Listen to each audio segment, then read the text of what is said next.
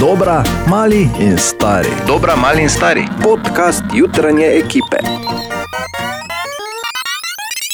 Prav ne morem verjeti, da si se odzval. Vem, noro, ne, kako se hitro pa tako pa ti zgineš, ne, tako pa.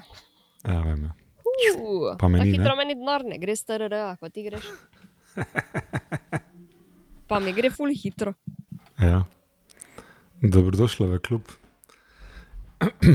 Po morju bom rekel, je saldo uh, rdeč. Rdeč. Kaj še lahko, kakšne druge barve tudi? Jaz nekaj moj črnega, samo Prisežeš? ule je bilo dolgo nazaj, pa si več ima neki napaka. limited edition saldo zih Ja, Nočem vedeti, o čem se pogovarjata. Ne? o bančnih računih. tako. Ana je, Ana tako je, ne, je odprla debato o denarju, tako da kaj če je za Ja, Mhm.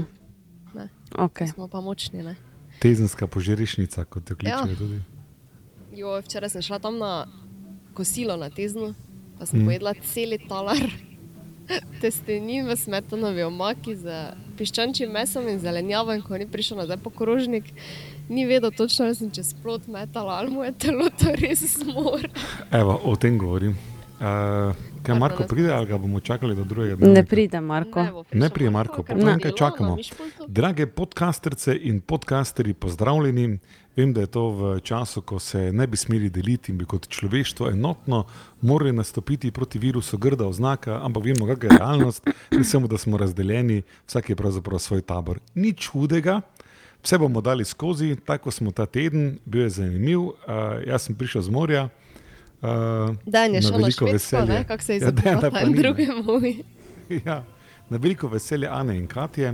Uh, po me je fras smrtno užalo, uh, na kar je potem cel petek me koval na piedestal, tako da mi je bilo nerodno. Ste ti ne opaziti to, kako je fras ne? danes delal? Nič ti ne paše, bom jaz rekla, Ja, ne, ali te seveda, ker so- hvalimo, ali te jezimo. Za, za, zakaj? zakaj? Enkrat zapomnite za vse, vsi ekstremi v življenju so slabi. Slabo je, recimo, če ne seksaš pol leta, in slabo je, če potem 50 krat v enem dnevu, ne? No. oboje lahko človeka ubije.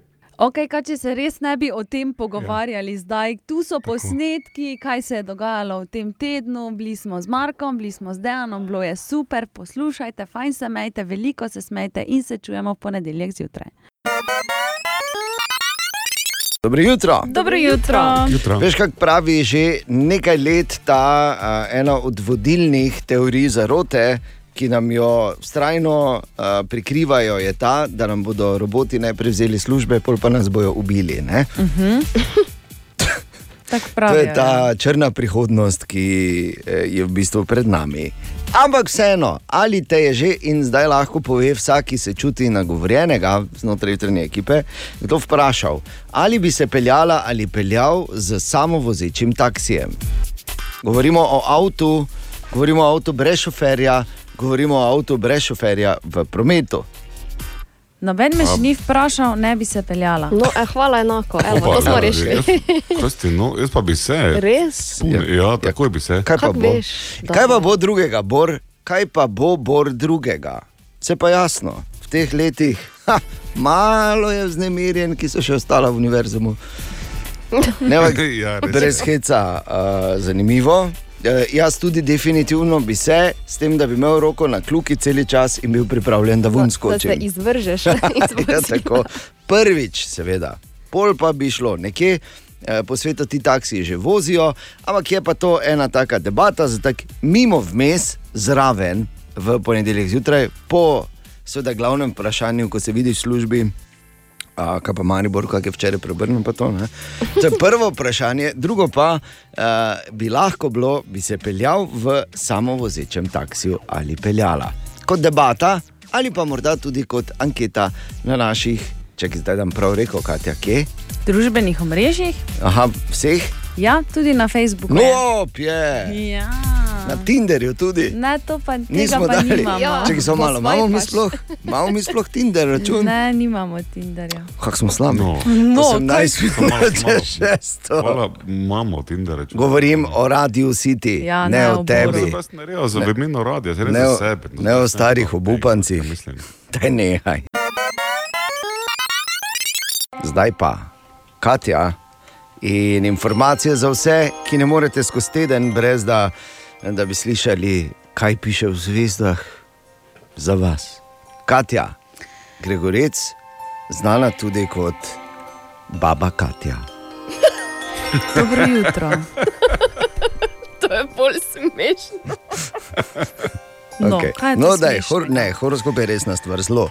Prosim. Oven, pred vami je teden poln izzivov. Pazite predvsem na svoje čustveno zdravje, se bodo pa negativne energije po četrtku malo umirile. Pik, umirili se boste, ob tem pa prepoznali svoj notranji mir in naredili prostor za pomembne stvari. Ugotovili boste, da potrebujete drugačno vrsto ljubezni. Dvojčka, trenutno delujete bolj intuitivno, zato so vaše reakcije še toliko bolj nepredvidljive. Sicer se boste ta teden počutili zelo dobro. Rak, ta teden boste predvsem želeli zaključiti vse zadane projekte, zato boste vso svojo energijo vložili v delo. Zaradi tega boste do svojih bližnjih delovali predvsem egoistično. Lev, že nekaj časa vas obdajajo pasivne energije, zaradi katerih delujete predvsem nestrpno in pa neočakano. Čas je, da temu naredite konec. Devica, zelo boste uspešni pri spreminjanju toka dogajanj, dobili boste tudi vso podporo, ki jo potrebujete, čas je, da razprete svoja krila. Tehnica, družba, v kateri ste bili v zadnjem času, vam je prinesla veliko novih spoznanj, ki vas bodo ponovno prisilila v to, da še enkrat poveste svoje mnenje. Ja, prosim, ne. konec tedna boste naredili zelo velik prestop. Ojoj. Škorpion, svoje odločitve boste v teh, v teh dneh še dodatno ukrepili, ob tem pa vas bodo podpirale vse energije, tako boste svoje cilje z lahkoto uresničili. Strelec, življenjske okoliščine vam dajo veliko izzivov in priložnosti, in čeprav se bo zdelo, da boste dobili enkratno priložnost, boste z neko odločitvijo še morali malce počakati. Kozorog, predvsem vas bodo zanimale finance in z njimi povezan vaš osebni finančni status. Teden bo predvsem miren, ga boste znali izkoristiti. Vodnar, dobili boste priložnost, da v naslednjih dneh uresničite svoje ideje. To vam bo zelo koristilo. In pa ribi, tudi vi se boste ujeli v brezdelje. Pasivnost, ki se skriva v ozadju, vam zagotovo ne bo pomagala. Ne pozabite, da obljuba dela dolg. Je, veš, da je to pozabil. Mislim, da malo zatem, ko je Napoleon jezdil skozi te kraje, ko je imel veliko objezdov ilirskih provinc. Tako da, ne Ja. bor, vse v redu, nič ne moreš. O, o čem se menimo? Ja, ja, dobro je. Čisto, Nič. Ja. Hočem samo povedati, da mene konec tedna čaka veliki prestop. Zato me kličejo z BBC-ja toliko. ja, ja, ja. Danes je 19. juli in želimo dobro jutro. Dobro jutro. Dobro jutro. Eh, 19. juli, veš, imaš dneve, ki imajo zanimive dogodke, ki so se zgodili na eh, ta dan, in imaš dneve, ki pač nimajo teh dogodkov. Ne?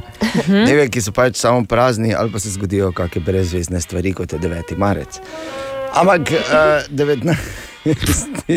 19. dobro jutro, Bor, ja. 19. juli zagotovo uh, ni na seznamu dolgočasnih dni v zgodovini, ker pazi, na današnji dan je leta 1914 umrl slovenski inženir in industrijalec Janez Puh. Po čem je znan Janez Puh? Po mopedu. Jaz mislim, da bo zdaj kdo rekel, Zdaj da ne, bi, da ne bi magne zidali tu, če ga ne bi bilo. Ampak ja, uh, čisto za res, kot je rekel Borja, izjemen, uh, izjemen uh, industri, torej ne toliko industrijalec, koliko izumitelj je bil Janez Puh iz Sakošaka, in uh, ker je še vedno njegov muzej in si ga lahko ogledaš. In to je tako, veš, če bi za mizo sedeli, pa bi rekli, en američan bi se vstal, mi smo pa to, pa to. Če ne bi bilo nas, ne bi bilo to, pa to, če ne bi bilo nas, ne bi bilo to, pa to. Pa bi se lahko vstal Janez Puh, pa rekel bi vi, kaj se vozili z mopedom, če ne bi bilo mene. Tako bi Recimo, rekel, ja. točno tako bi rekel. A, in še ena stvar se je zgodila na današnji dan, ki je bila, mislim, ki je še vedno, vsaj za me, eden od najbolj emotivnih eh, momentov, ko govorimo o olimpijskih igrah. Leta 1996 eh, otvorijo te eh, legendarne 26. poletne olimpijske igre. Ne? To je takrat, če je bil Cassius Clay oziroma Mohamed Ali živ in je prižgal olimpijski ogenj. Ampak glavna zvezda ni bil ameriški predsednik tistega časa Bill Clinton, temveč slovenec, Mariborčan, Leon Štukel, ki je bil takrat še najstarejši, še živeči olimpijec. In Leon Štukel je takrat res, mislim, vrhunski moment je bil. It is now our honor to introduce the oldest living Olympic gold in gymnastics. 97 year old Leon Stukel of Slovenia. Leon Stukel, born in 1898, still does chin ups every day. He's in extraordinary condition. Won two gold medals in 1924, won a gold and a bronze in 28, and a silver in 1936. The president leading a standing ovation. The oldest medalist in Yugoslavia's Olympic history when he won gold, won uh, silver in 37. Leon Stukel. Ja, to je bil kar. Tako da, če imaš danes kaj časa, si poišči ta moment na YouTubu, pa si ga poglej, kako je takrat Leon Štukel, star 97 let, priskakljal praktično skozi tisti stadion in na oder. In bilo je res fenomenalen, fen, bil je fenomenalen moment, eden najlepših, ki jih bomo imeli Slovenci v olimpijskih igrah. Na olimpijskih igrah pa sem prepričan, da bomo na teh novih, ki se začnejo ta petek z enoletno zamudo, spisali še kako legendarno zgodbo. 46 minut, dobro jutro. Dobro jutro. Ena od treh, treh. Jutranji sprehod po zgodovini popularne glasbe. No, med vsemi stvarmi, ki so se zgodile na 19. juli, pa se je zgodila še ena temeljna v zgodovini popularne glasbe in sicer se je na ta dan leta 1947 rodil, kasneje in še vedno jasno, da doktor astrofizike, sicer pa izjemen, izjemen kitarist in tisti, ki je svojo kitaro poimenovano Red Special naredil doma z očetom in njena posebnost je, da ima res izjemno, izjemno dolg vrat, daljši kot serijske kitare in da lahko ubere zelo visoke tone oziroma strune. Okay. Brian May. Brian May, tudi seveda kitarist in eden glavnih avtorjev v skupini Queen in taki je, pa to je toliko enih legendarnih rifov, ki jih je zaigral. Recimo tako, najprej pri One Vision nekaj bla bla, pol pa pazi, iz megle vun, žge, Brian May.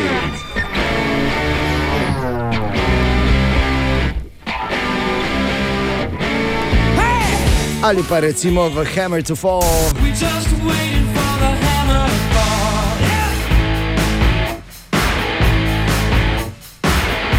In pa solo, ki ga je zaigral v Bohemian Rhapsody.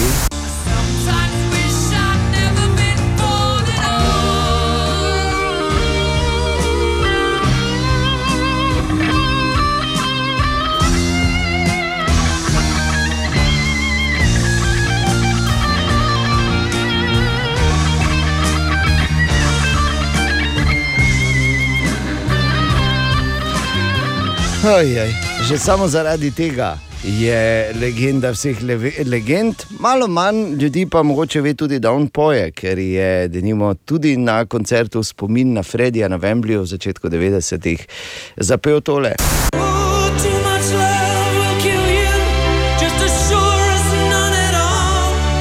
In danes, ko je 19. juli, ko so praktično štiri dnevi pred začetkom olimpijskih iger in ima Brian May že svoj 74. rojstni dan.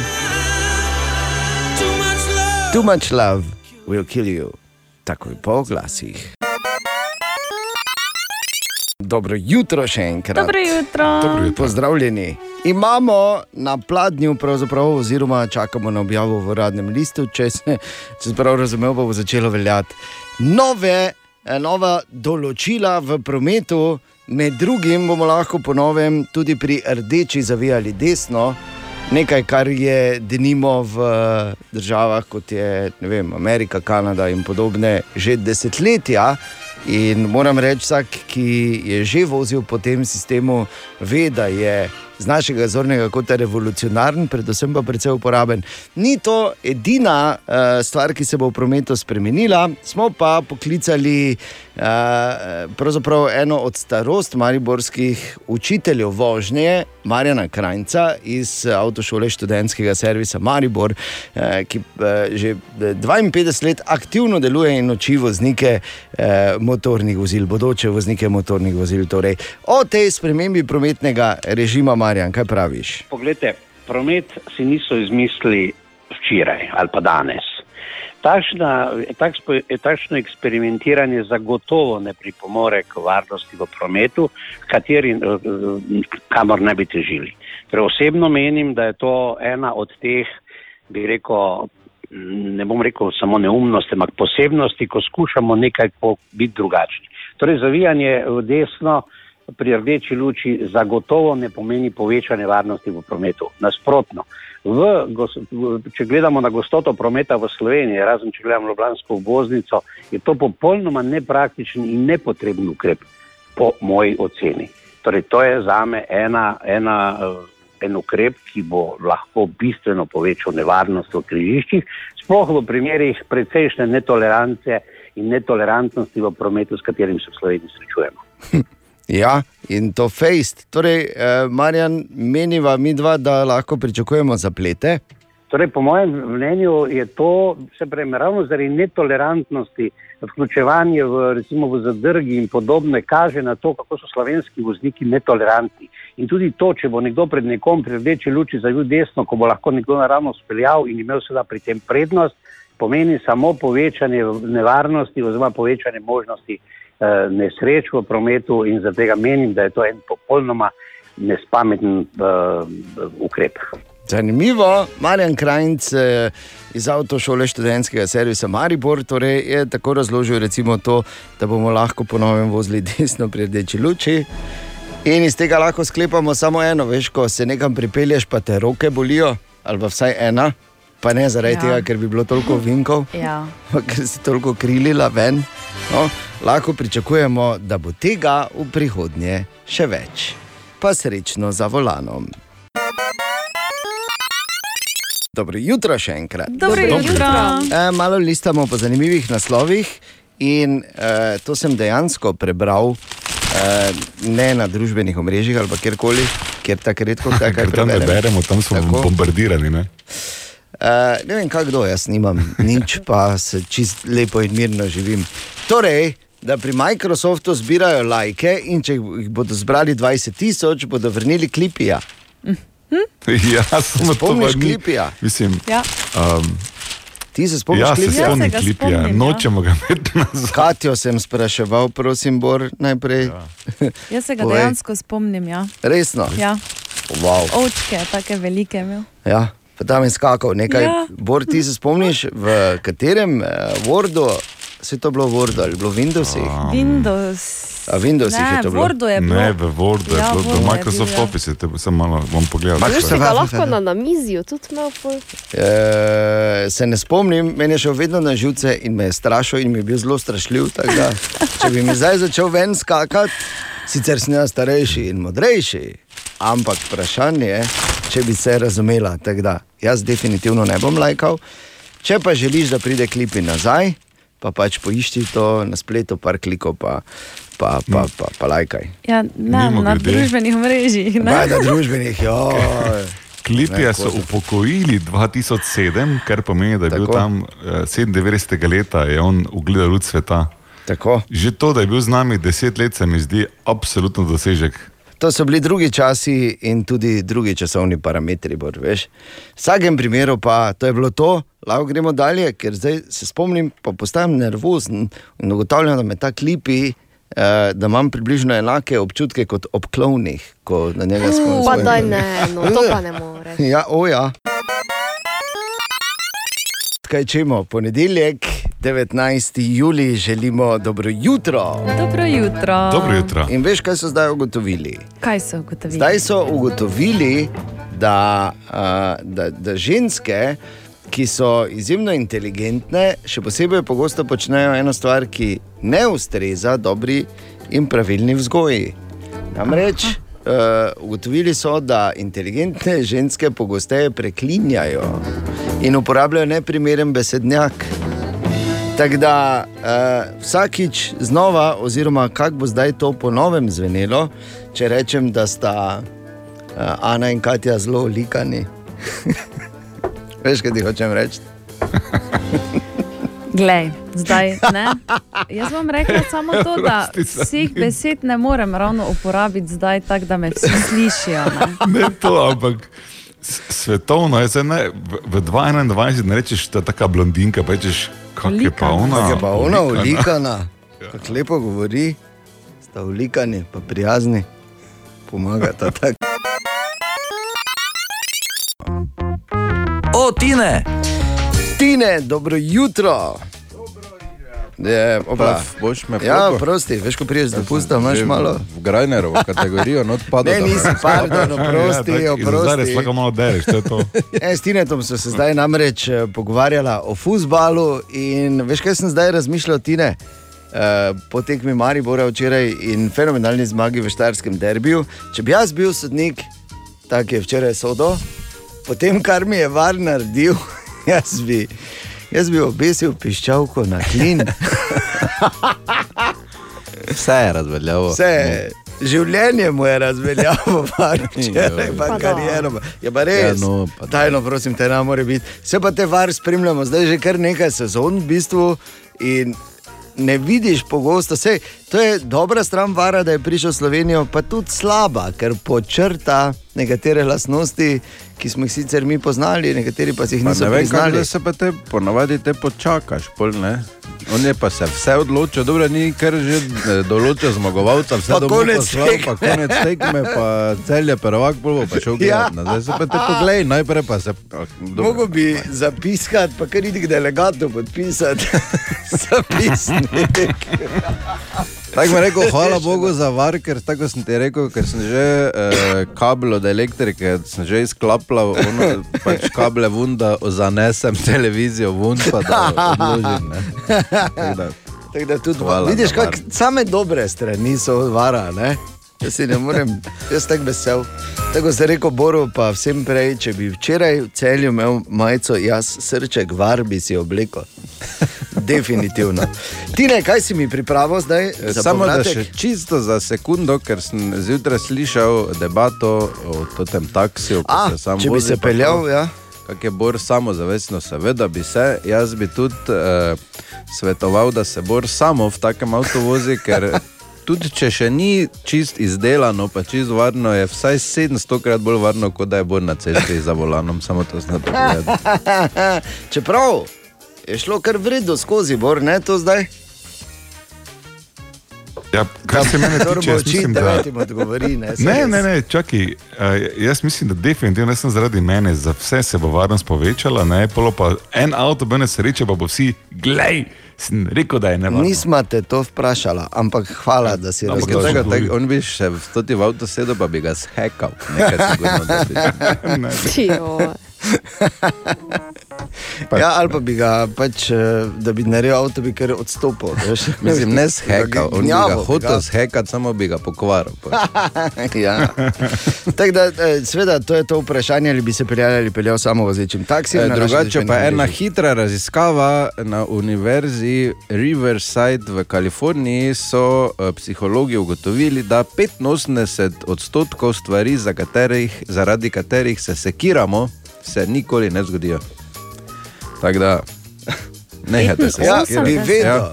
Ja, jaz se tudi vidim, ne, ko se sekiraš, ravno zaradi tega, ker se ne zgodijo. Dobro, to je, zdaj druga, to je druga kategorija. Ne?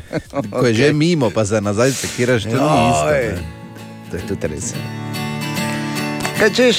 Tako da ne sekiraj se toliko, pa dobro jutro. Dobro jutro. Aha, aha, aha, aha, aha, aha, aha efekt. Torej, v High-Effektu bi najbolj odgovoril na vprašanje Tanje, zakaj je v nekaterih primerih veliko teže odpreti vrata zamrzovalnika kot v drugih. Odvisno od tega, kako fej se ti mudi, kako tiho moraš to narediti, ne? da te ne dobijo zraven. In verjetno še kak razlog. Torej, Bor, kaki je odgovor na vprašanje? Torej, enostavno je, ko mi odpremo vrata hladilnika, nekaj toplega zraka iz okolice pobegne noter v hladilnik, oziroma nekaj hladnega ven in se pri tem ustvari vakum. In zdaj pravi, odvisno od hladilnika in prostornine, lahko je 15 sekund, pa do nekaj minut bodo vrata dosti teže odprta, ker vakum jih nazaj drži. Te, dosti teže jih bomo odprli, Dosti verjetno. teže jih bomo odprli, ja. ja. Ok. Vakum. Vakum. Slišala, Katja, vakum. Ja, enako je pri hladilniku, pa zamrzovalniku, ker vprašanje je bilo za zamrzovalnik, ti si pa odgovarjal za hladilnik. Ne? Ne, govoril sem o zamrzovalniku, moče sem Ki je rekel- del hladilnika. Ja. Očitno. Ja. Definitivno mislim zamrzovalnik. Ja. Okay. Samo, okay. samo preverjam z Da zivom. razčistimo. Ja, ja. Ampak mimo Tisti grede- šibki, ki ne more hladilnika odpreti, tisti tudi največ nahodi po kuhinji. Ja, vakum, Katja, to je tisto, kar ti not drži klobaso, tudi v plastiki. Vse veš, kaj hočem povedati, ne? mislim, salamo. Ja, To je veš, tisto mitološka stvar, o kateri se govori, da obstaja, pa je noben v službi ne proba nikoli, ker noben nikoli ne prenese. no, no. Veš? Halo? Ne, pač pravim. Kaj, Ja, kam kažem. smo spet? Kaj? Nikamor. Jaz samo teoretiziram. Ali tudi vi pogosto totavate v temi? Aha, efekt, da boste vedeli več. Celo jutro naj samo vložim protest in pritožbo, poslušam grožnje, zdaj bomo pa mi videli, kak si ti ta teden poslušal. Ti ziger ne poslušaš radia, ko si na dopustu, jaz te bom preverila. To je samo nekaj teh groženj iz uskatje danes zjutraj, ki sem jih bil deležen. Zagotovo, ja. Taka Ja, sem. In točno to. sem še grdo ti- preklinjala. Ti ne? pritis... Niti ne, zelo vljudna si bila, če me zelo likana. A, ne, brez heca, vsako nedeljo imamo tako imen, imenovani, mogoče mi bo zdaj v 52. poskusu uspelo pravilno izgovoriti, nedeljski kviz na Instagramu. Bravo. Yes, ki si tako aplavz. Zapleten, ne, ne bom si dal. Ne bom si dal, ker ne bom delal to, kar mi boš ti rekla, haha, ker sem upornik. Jej. Ojoj. Ne, šalo na stran, Katja. Tvoje grožnje so bile na mestu. Preveri me, ali sem poslušal kaj ta teden na radio. Mimo grede, tudi danes eh, je Katja žrebala nekoga med vsemi, ki ste včeraj pravilno odgovorili na vsa vprašanja in, boste, in bo nekdo dobil majico, ni nam lahko, radio City. Tako. Zdaj pa najprej vprašanje. Ja. Tomaš in Ana sta imela v sredo avto umazan od A. Poščavskega peska, B. barve talnih označb ali C. blata. Kdaj, ker je dan? Sreda. Malo se Sreda. ne gibaš, priznaj. Ne? Ne, ne, zato ker ni šel dež takrat. ne. Tako da ni moglo biti blato, puščavski pesek, tudi mislim, da ni bil tak, da bom rekel od talnih označb. Ta, ta, ta. Hvala, ne, ker je bil puščavski pesek. pa- pesek je bil. Ja. Veš, kak je? Mi, ko smo na, ko smo na dopustu, na, gledamo v smeri puščave. Ne? Za nas življenje so ti in so rožice. Ja, mi ko smo v službi, pa te da imamo vse malo ne? eksotičnega. Ne? Okay, torej, kdo je odgovoril na vsa vprašanja pravilno in bil je že reban, Katja? Eva Vrčko dobi majico Radia City. Čestitke, Eva. Bravo. Bravo in hvala, in boljša si bila kot jaz, kar pa tudi ni Ja. ne, neki dosežek, zdaj, če smo čist ne, iskreni. To. Tako da bi rekel, Ne. jaz pa sem večji, tip, ne, ali pa ko rečejo moj, eh, komu od mojih sinov, še malo pa boš tako veliki kot Ati, pa sem jaz. In čestitke, Eva, naslednjo nedeljo ne zamudi na Instagramu našega kviza in dobro jutro. Dobro jutro. Kviz brez Google. Oh -oh. Kot vsako poletje se tudi letos spominjamo, kako vam je kaj šlo, koliko ste kaj služili s kvizom brez Google čez leto. In danes v kvizu brez Google z mano, Jan, Jan in Kristjan. Jan in Kristjan. Ajde, gremo na najlažje vprašanje za 10 evrov. Katera ptica je znana, baje po tem, da tudi rada krade, sploh svetleče predmete? Sraka. Sraka. Sraka, bravo, že imate 10 evrov, super. Ok, gremo malo teže, za 20 evrov. Če bi vidva vedela, v kateri celini spadajo Filipini. Ali je Azija ali pa jaz preko Azije. Azijska. Azija. Okay, bravo, pravilno, k Aziji spadajo Filipini tako. Že imata 20 evrov, gremo še teže za 30. Če bi vidva vedela, glavno mesto katere države je mesto Erevan. Je tudi zdaj, nažalost, eh, aktualno. Zdaj se afriško. To ne, to ne že. Erevan, ja. Erevan. Ne, ne, Ne bi vedela, To, to pa je res. vse predamo, zaključimo. Lahko. V redu, 20 evrov ste zaslužila, čestitke, eh, Erevan je pa glavno mesto Armenije. Okay. V redu, hvala vam za igro, pa lep dan. Hvala. Adijo. Hvala vam. In seveda še najtežje vprašanje, kdo je avtor romana Carrie iz leta 1974? Hm? Stephen King, kdo pa drugi? V filmu pa je, mislim, da je igrala Sisi Spacek. V tem Tako, legendarnem filmu. bravo, bravo in bravo. In ona scena, ko ona gre noter, pa Joj. samo z močjo misli zapre vsa vrata. Ja, daj no. Pa Koliko tako kriven teče pri Kelleru. Pa. Uh.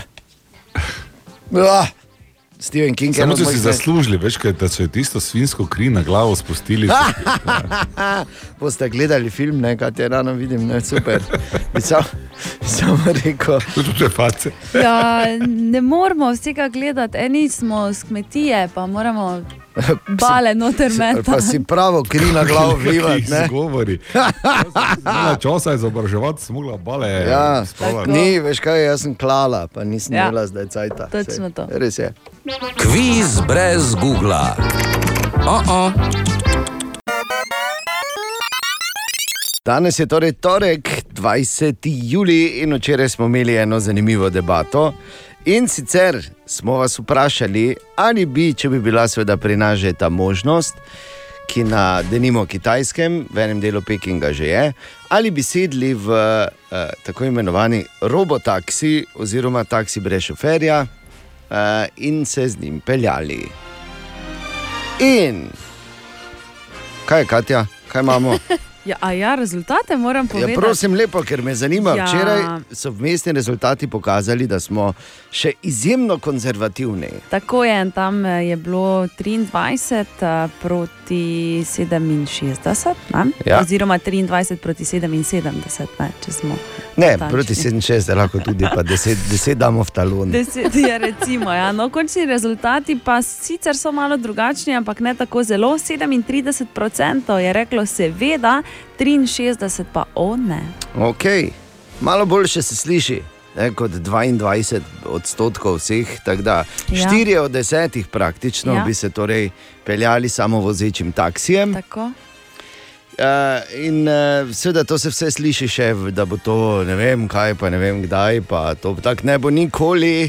Naj samo povem, da tudi nikoli se ni zdelo, da bo uh, se prav, prav tvoj šef v službi strinjal, da nekdo dve leti dela od doma, pa več ne pride nazaj. Ne? Pa je tudi to postala realnost, tako Ja. pogledaš.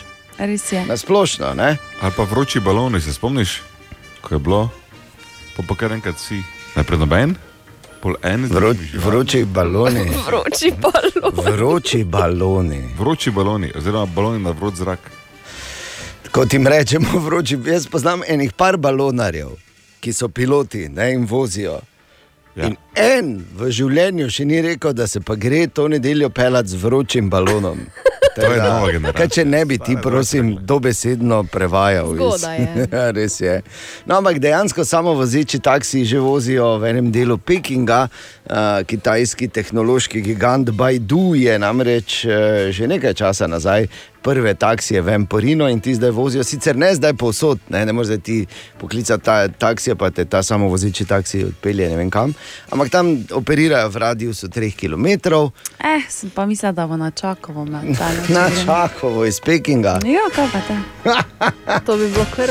Lepo, lepo. Ne predstavljam si, koliko bi to stalo. Ne? Ja, bolj malo, naj se ne bi bilo nobenega not. Edino, kaj bi elektriko filala. Res Pa ti je, bi, ja. ti bi morala imeti ne štiri salame, pa jih na tanko rezati.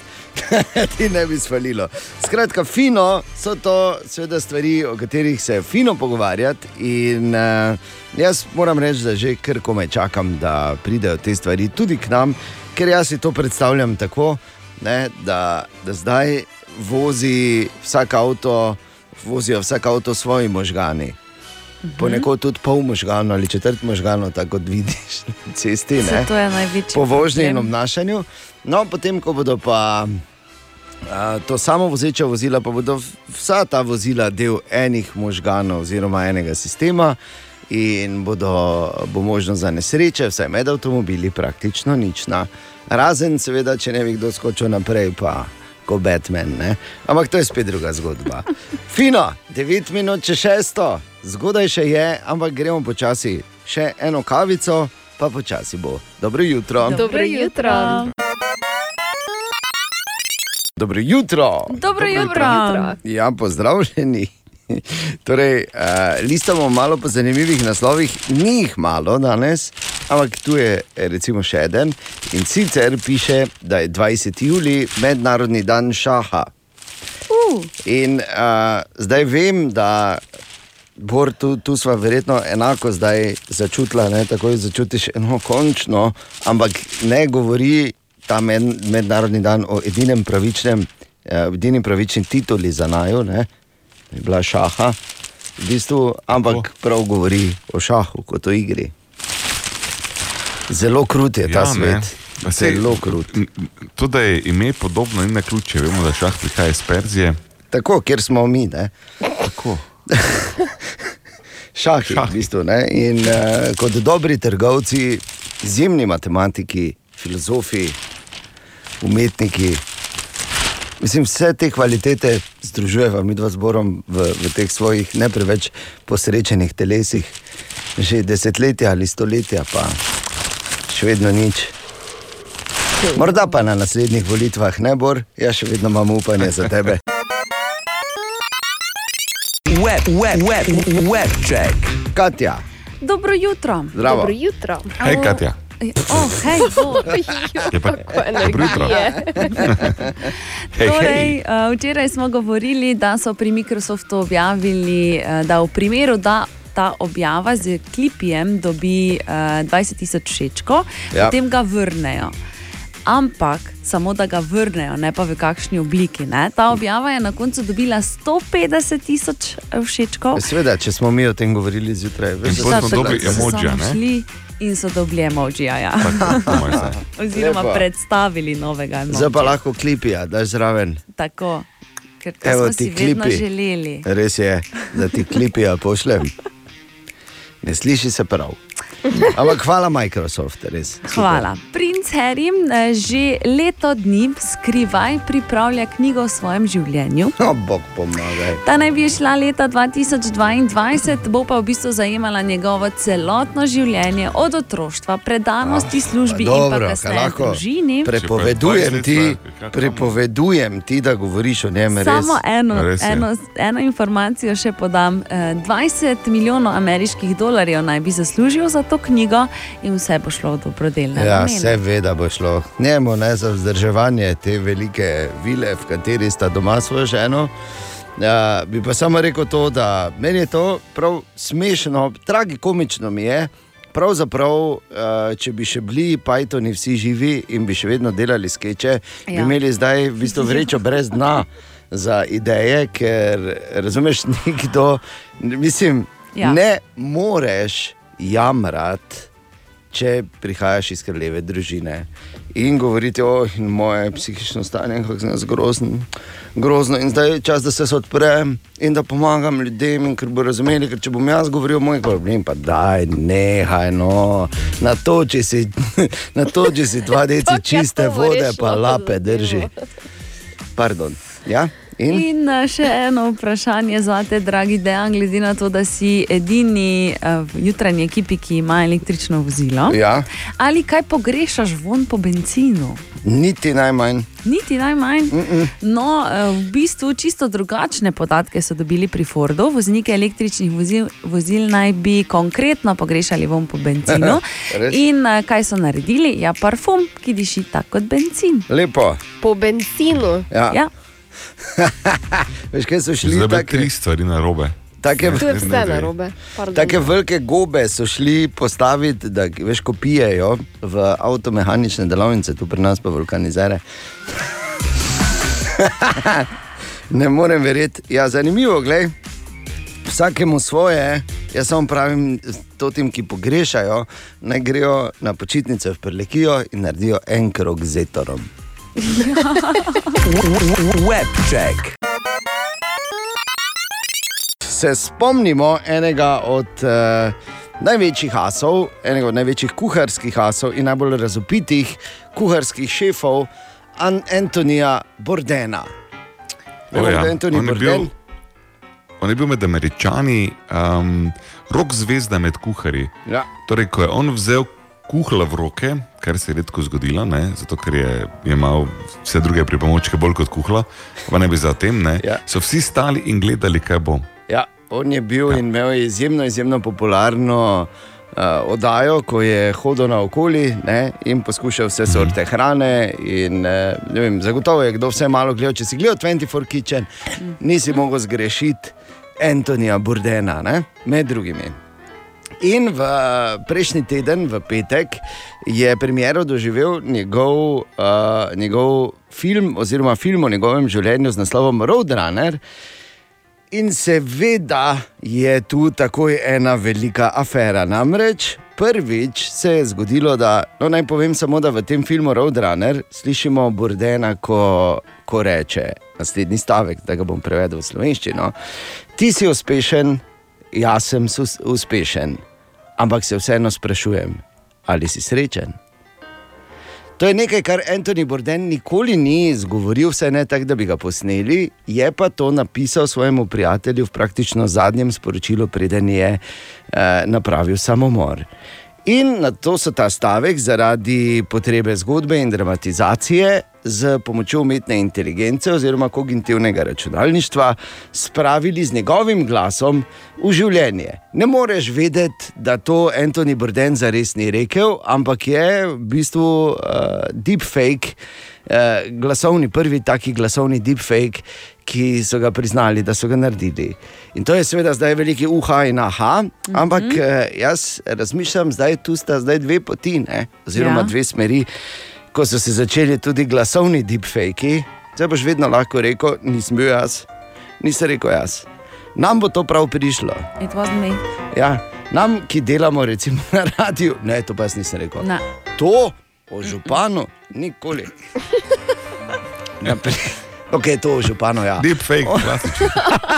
Ja, Lepo se je popravil. Ja, to, no, to. Uh, in to je ena stvar, in druga stvar, mogoče, če bomo končno začeli uporabljati uh, umetno inteligenco v te namene, se bo vseeno ne bo več dogajalo, da, da bi Bor uporabljal fraze kot so vroči balon.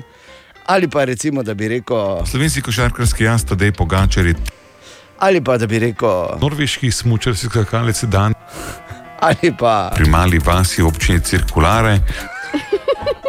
recimo, Vedno znova. Deepfake, se pa čuješ, da, Ja, da, ja. da Da, ni glas. montirano, ne? Čisti, Ja. ne?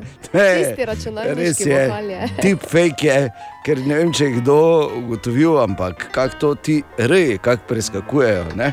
V teh posnetkih to poslušaj še enkrat. Slovenski košarkarski jaz, tedaj pogačari, Definitivno deepfake. Yep. ja. Ja.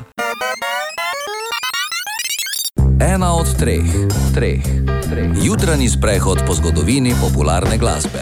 Danes je 20. juli, 20. juli, ko se je rodil brez debate eden največjih kitaristov vseh časov, Carlos Santana. 74. rojstni dan že danes praznuje Carlos, ki še vedno hara svojo kitaro na glasbeni sceni, pa je seveda že več kot 50 let. To je človek, ki je doživel vse. Če že pogledamo tako, da je svojo kariero začel v bistvu kot violinist, ne? potem veš, da je, ne, ampak je dejansko igral je na Woodstocku in že tu bi lahko rekli, ok, v življenju sem videl in doživel vse. Ampak ne, Carlos je naredil res ogromno tega. Predvsem uh, je ponudil v, v večnost, lahko rečem, kar nekaj res izjemnih kitarskih recitalov, kot je recimo Samba Pati.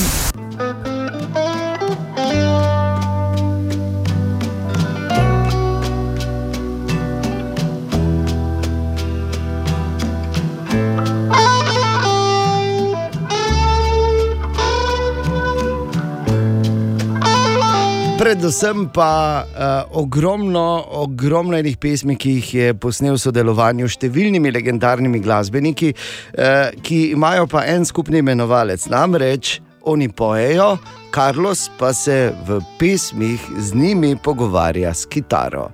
Primer številka ena, The Healer.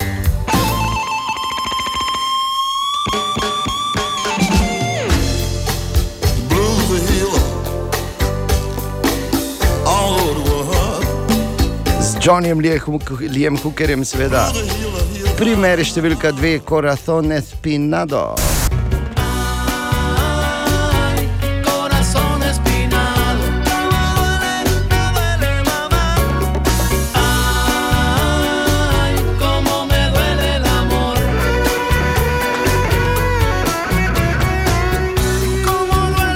Ali pa denimo Put Your Lights on z Everlastom.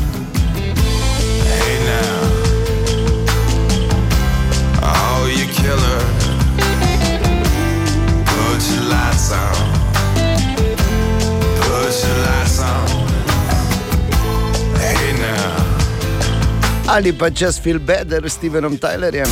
Anything to just feel better. Tell me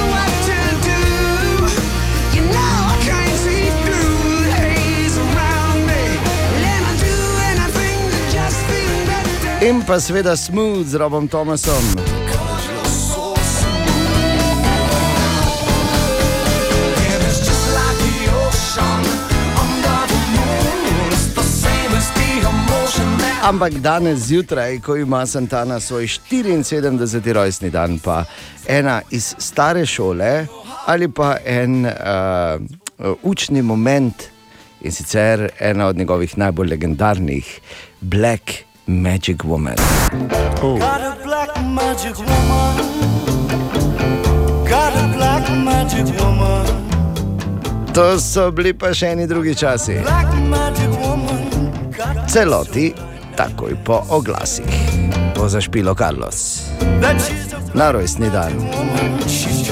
Ok, ok, ok, v celoti pol, jaz ne morem si pomagati, jaz ker hočem, ker ker. Želimo dobro jutro. Dobro jutro. A, Kako je tako čudno, veš, zdaj smo tri tedne, vsak dan, praktično razno ponedeljkih si imel popoldan uh, Tour de France, lahko gledal neki šport. Ne? Uh -huh. Predtem je bilo Evropsko prvenstvo v futbalu, smo lahko gledali popoldan, Ja. zdaj pa nič kaj. Mislim, tak, da bi bilo nekaj resno, kar bi nas zanimalo. Ne? Spet imam nore ideje, kaj lahko delate. Imamo Res. ful predlogov. Ampak moraš vedeti, da recimo že v četrtek spet igra Maribor, ne? popoldan, uh -huh. petek se pa začne olimpijske igre. Ha, ha. Evo, rešeno. Tako čist, čist kratki frajlauf imamo vmes, prav všeč mi je. Želimo dobro jutro. Dobro Dobro jutro. jutro. Torej, zaključil se je filmski festival v Kanu ta vikend, eden eh, najbolj razupitih festivalov, ki ga vedno obišče velika količina globalnih zvest. Tokrat jih je bilo tam res ogromno, Kajlo Ren med drugimi, ne, Adam Driver, pa eh, recimo Sharon Stone. Uh, Sharon Stone, za katero še vedno fotografi uh, pravijo, da je tako urbana legenda, kjerkoli se pojavi, ko me čakajo, da se vsede, pol pa vs, Ja. vsi čakajo. Pol ne bo, kaj se pol ne bo. Pa Owen Wilson, uh, mislim, uh, ogromno, Andy McDowell, Bela Hadid, uh, mislim, to je bilo. Uh, Neverjetno število vseh teh uh, velikih zvezdnikov in zvezdnik Jodie Foster, denimo, je bila tudi, tudi tam. In, uh, skratka, ne samo zvezdniki, tudi veliko novinarjev je bil pa tam tudi uh, urednik uh, portala Filmologija.si, Nec Feguš, s katerim se je pogovarjal David Gorinšek. David. Ja, ampak še prej ena zanimivost. Rdeča preproga je po celem festivalu bila skupno dolga kar 2 km. In kot si že omenil, tam je bil tudi Nec Feguš, urednik portala Filmologija.si, ki je za Radio City delil eno anegdoto. Dansko sem imel možnost obiskati premjerno projekcijo Memorija, oziroma eno izmed projekcij, za kateri se je udeležila tudi zasedba samega filma, in med njimi je tudi bila glavna zvezda Tilda Swinton. Gre za neko ogromno dvorano, v kateri smo si lahko ogledali film, in uh, presenetljivo so se udeležili predhodno projekcije uh, na rdečem tepihu, tako so že prej omenili, celotna zasedba. Predhodno, preden se je dansko predvajal film, so prejeli večminutni aplauz. Po filmu so bile tudi stoječe ovacije za film. Zlata palma denimo pripada francosko-belgijskemu filmu Titan, drugo najpomembnejšo nagrado Grand Prix sta si po presoji žirije razdelila dva filma, Iranski heroj in pa filmski Compartment No. 6. Nagrado žirije pa sta prejela prav tako dva filma in sicer Memorija ter Ahid Zni. Ampak vprašanje, ki je tudi, eh, je, kako izgledajo v bistvu filmski festivali zdaj v tem korona času, oziroma kako je bilo z restrikcijami. Ja, po Ferguševih besedah niti ne prehudo, ima pa eno zanimivo izkušnjo iz testiranja. V samem festivalu je bilo ogromno obiskovalcev, ni bilo nekih eh, pregroznih omejitev, um, kar se tiče v projekcijah, smo sedeli en zraven drugega, tako da ni bilo tako omejeno, kot bi si kdo mislil. Uh, samo zanimivo testiranje pa je potekalo tako, da so nam dali neko tubico, v katero smo morali spraviti slino do določene mere, in so potem čez šest ur uh, nam poslali rezultat, katere, kateri je potem lahko potreboval, kot da se lahko udeležiš projekcije. Festival je tako za 12 dni vrnil tisto znano vzdušje v kinodvorane, 74. izvedba je po oceni organizatorjev uspela odlično.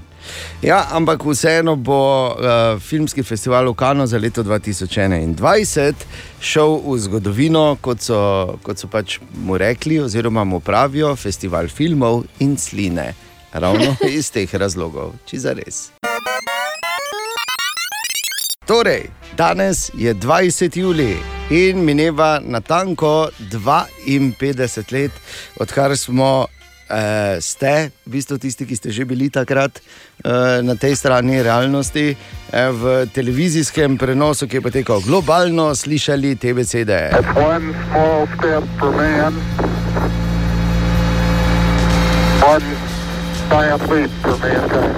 Ja, tako je torej rekel Neil Armstrong in potem naredil ta legendarni prvi korak na Luno, hop, sledil je potem še Buzz Aldrin in pol sta ona dva to hodila, sem pa tja.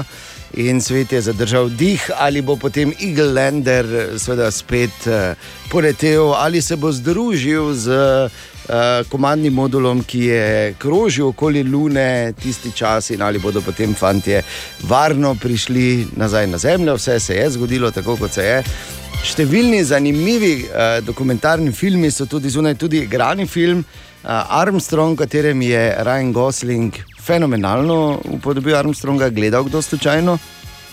Seveda. Eno pomembno stvar si zamudil ne, v tej reprizi zgodovine. En je tisti, ki je sicer prvi stopil, ne, samo drugi pa je prvi uriniral na Luni. Ja. Joj, točno. Ja, ampak spet, če se vrnem na začetek, ko smo slišali te legendarne besede, to je izgovoril Neil Armstrong, ko je stopil na Luno.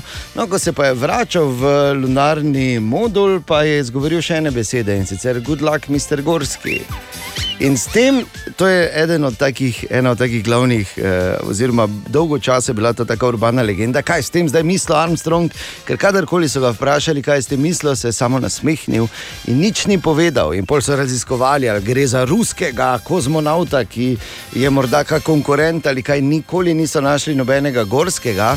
No, šele eh, v drugi polovici 90-ih ko je bil Neil Armstrong tudi že malo starejši, je na eni tiskovni konferenci pač razkril to zgodbo. In sicer, uh, ko je bil še mlad fantič leta 1938, je s prijateljem igral bejzbol za hišo in je žoga padla čez ograjo k sosedovim. In ko je plezal po bejzbol žogico, ki je priletela ravno pod okno spalnice pri sosedovih, je slišal gospod Gorski, kako uh, kriči na gospoda Gorskega z besedami: Seks!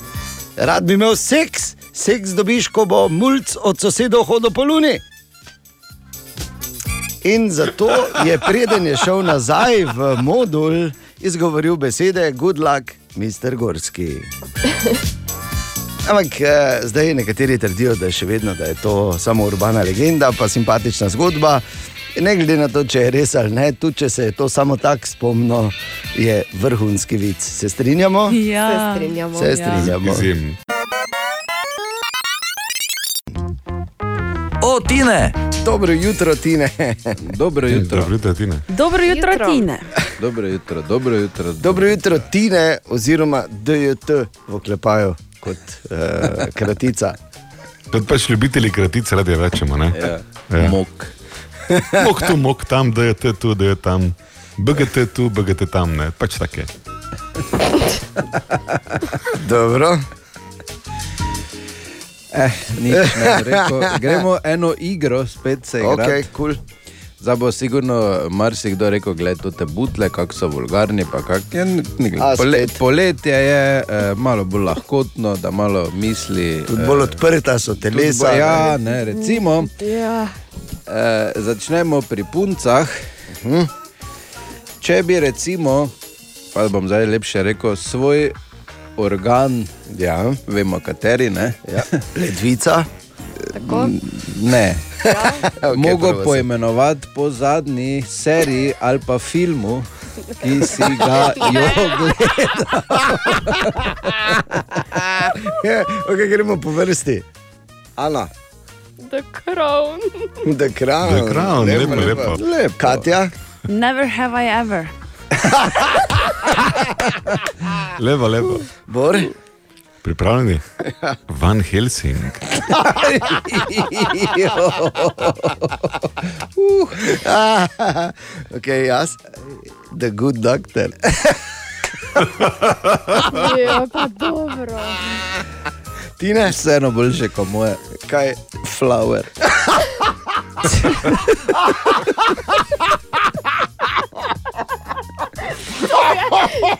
Preveč Ej, ej, bolj, ej, ne ej. moreš. Ja, priporočamo to igro danes v pisarni. Aha, aha, aha, aha, aha, aha, aha efekt. Torej, Bor v aha efektu odgovarja na vprašanje Klemna, ki ga zanima, ali je res, da ne moremo potovati hitreje kot svetloba in zakaj ne. Te pa odgovori dveh imamo tako minutah. vprašanje ob 8 zjutraj, ko se komaj zbudimo. Ampak Ja. zelo preprosto je, eh, samo fotoni, ki nimajo mase, lahko potujejo s hitrostjo svetlobe. Tako. Um, celo na Zemlji, recimo, ne, ko se hvalimo s tem, kako uh, optični internet ima uh, hitre podatke, s hitrostjo. Dejansko na Zemlji uh, naš internet uporablja samo 60 odstotkov svetlobne hitrosti. Zato, ker pač uh, ni enostavno uh, doseči pogoje, v katerih tudi fotoni lahko potujejo tako hitro. Um, kaj se pa Einsteina tiče, on dejansko nikoli ni rekel, da nič ne more potovati hitreje kot eh, svetloba, ampak je pa iz eh, njegove posebne teorije relativnosti to logičen sklep. Pa še ta moče eh, za konec eh, zanimiva misel. Če bi pot, uspeli potovati vsaj z 99 odstotki svetlobne hitrosti, pa bi pet let potovali s tako hitrostjo, recimo da bi prvo leto pospeševali in potem štiri leta potovali blizu te hitrosti in se vrnili na Zemljo, bi se postarali samo za 50 let, vsi, eh, pardon, samo za pet let, vsi ostali na Zemlji pa za 50 let. Seveda. Torej, za tiste, ki so na Zemlji ostali, bi mi potovali hitreje kot uh, je hitrost svetlobe, ker bi dejansko potovali v prihodnost. V bistvu čas stoji pri miru, ne? če potuješ svetlo, s hitrostjo svetlobe, zate, ampak tudi če bi zdaj recimo vlak potoval z hitrostjo svetlobe in bi ti hodil po vlaku naprej, ne bi hodil hitreje od svetlobe. Joj, Ja, tu se- to? to je teorija relativnosti. študirati. Zdaj lahko sedemo pa začnemo risati, ne? ampak eh, br- brez skrbi še dolgo ne bomo potovali niti blizu te hitrosti, tega se ne sekirati. Ja. Ali tudi vi pogosto tavate v temi? Aha efekt, da boste vedeli več. Ta petek se torej začne za res. Olimpijske igre 2020 sicer. V letu 2021, ampak kaj še je normalno eh, v teh korona časih? Ne? Tudi olimpijske igre. Redko. Ja. In pol se jeziš, ko ti avtobus zamuja 10 minut. Kaj ne rečejo Japonci, ki leto dni čakajo na olimpijske igre? Tako dolgo so na njih čakali, da jih zdaj noben več tam noče, za res. V vseh teh časih. Bodo pa to ene take zelo. Zelo drugačne olimpijske igre, brez obiskovalcev, čist drugače kot recimo 36. v Berlinu, Bor, ne? ko sta ti pa Jesse Owens tekmovala. Okay, uh, brez Ne. heca, zdaj ne vem, karkoli si hotel reči, bor ni se slišalo. Ja, Ampak, Hotel sem reči, da smo imeli vsak po 3-4 zlate, ne? tako je šlo takrat. Ne? ne, ampak brez heca je pa dejansko pa je na tistih olimpijskih igrah bil Leon Štukel, ki ja. je takrat dejansko tudi verjetno govoril z, z, z Jessijem. ne. Ampak pustimo to ob strani, novi junaki, tudi naši, mariborski in pa predvsem slovenski, so že v Tokiu ali pa so na poti tja in tik pred olimpijskimi igrami je eh, David eh, govoril tudi z našim predsednikom olimpijskega komiteja Bogdanom Gabrovcem. Tako, seveda. Mogoče imamo vsi svoje lastne favorite, ampak navija se za celo olimpijsko reprezentanco. Košarkarska ekipa bo naprimer tam na čelu z Luko Dončićem, potem bo nastopil tudi Ptujčan, Kristjan Čeh, Benjamin Savšek, kolesarska asa, Primož Roglič in pa Tadej Pogačar, velenska plezalka Janja Garnbret in pa med drugim tudi tekvandoist Ivan Konrad Trajkovič. Napovedi za kolajne so seveda dokaj nehvaležne, s tem se strinja tudi predsednik Olimpijskega komiteja Slovenije Bogdan Gabrovec. Večkrat sem že ponovil, seveda zdaj tudi v tem primeru bom, ne, napovedi ne bodo mene, ker so se vedno napovedi nekako prevrle, tudi če je bilo več ali pa če je bilo manj, ne, ni bilo prav. Ne. Na nek način se loto zopet ugibanja, pa se tokrat res ne bom. Je pa res, da v uh, ekipah imamo izvrstne posameznike, ki lahko dosežejo tudi najboljše rezultate. Ja, vse je nared. V 17 dneh bomo videli kar 339 dogodkov, ki se bodo odvijali v 33 olimpijskih disciplinah na 34 prizoriščih. Ampak je vseeno wow. treba še enkrat, ja, ampak je impozantno, kot na vsakih olimpijskih igrah. Ampak vseeno je treba omeniti, da bodo pa te igre specifične, kot smo že rekli, predvsem zaradi odsotnosti gledalcev. Ja, žal je to trenutno realnost, ampak navijati se da tudi od doma in če si kot športnik prišel do takšnega velikega tekmovanja, ti ustrajnosti seveda ne manjka, če pa želiš kolajno, mora biti tvoja osredotočenost seveda na tvoji izvedbi. Jaz moram tako reči, ne, da slovenski šport je malo v slengu živ dokaz, kako se lahko tudi v najbolj neugodnih situacijah normalno, koliko toliko normalno živi, sodeluje, ne pripira, ampak se išče v slabem najboljše možne rešitve. Slovenski šport je to dokazal in ko bo olimpijade konc, bomo tudi takrat lahko dali eno tako, bi rekel, zelo argumentirano oceno, da je že pa res skrajni čas, da vsi ostali akteri prepoznajo šport kot najboljši povezovalni način v vseh smereh našega naroda. Ne? Igre se bodo zaključile z moškim maratonom, ampak ne v Tokiu, pač pa več kot 1000 km oddaljenem Saporu, ker želijo zaščititi športnike pred vročino, ki bo avgusta v glavnem mestu Japonske. Tako, evo, zdaj vse, vse jasno, torej kot smo rekli, v živo stvari, predvsem po noči, ampak seveda dan danes ogled nazaj, mislim, halo. Halo. Kaki problem? Spet, Ni mislim, ja, ma ni problema. problema, spet cele dneve gledamo šport. Yes. Ja. Yes. Ker veš, kaj pravi staro olimpijsko načelo, ne? da ni važno, uh, Sodelovati je važno gledati. Ne. Važno je sodelovati, ne zmagati. Ne, in mi sodelujemo tako, da gledamo, to smo to reči. A Ja. Lepo. Ja, samo pač povem in opozarjam vse dame. In treba se je spomniti še enega, pa precej žalostnega dogodka, no, ki se je zgodil na današnji dan, leta 1973. Takrat namreč v še vedno nepojasnjenih okoliščinah uh, umre še ne 33-letni Bruce Lee. Kar je zanimivo, ja. če še danes eh, pri Brusliju, če ga pogublaš, ti najprej napiše filozof in šele na to ameriški kung fu borec in igralec. Mislim, njegova misel, da moraš biti kot voda. Ne? Ja, Da, ja, to je vrhunska misel. Ja, ja. Eh, Ta nepojasnjena smrt pa je seveda velik izziv, zato ker uh, jaz sem na zadnje bral nekaj, da mislim, to je sto teorij, ne? ampak od tako bizarnih, da je imel tisti pas za trebušne mišice in ga je tam elektrika ubila. Ne? Ja. To je tako najbolj banalna za Bruslija, ne? pa do te, pravzaprav, da od rojstva naprej je bil tukaj en urok, s katerim ne, so njega spravili na, svet, na, na, na drugi svet, pravzaprav pod zemljo. Tako da, glej, ne vemo. Ne? Ne vemo, Vemo samo to, da je v bistvu za, za vedno zapisan v popkulturo oziroma v zgodovino, pa ne, ne samo popkulturo, tudi zgodovino borilnih športov, kajti ne na zadnje je bil res vrhunski, tudi njegov Jet Kondo je, ali Jet Kondo, ja. kakorkoli se že imenuje, je pač vrhunska uh, borilna veščina. Uh, in uh, tudi sam je bil res vrhunski, in niti ne tako mali, ne? ker v posod filmih je mali, bil je 1,71 m. Zdaj, če je to malo, mislim, manjši od mene je bil. Ne, je bil manjši. Sam ni bil pa Ni pa bil mali. Na, najboljše pri vsem skupaj je, kako je on vnesel tale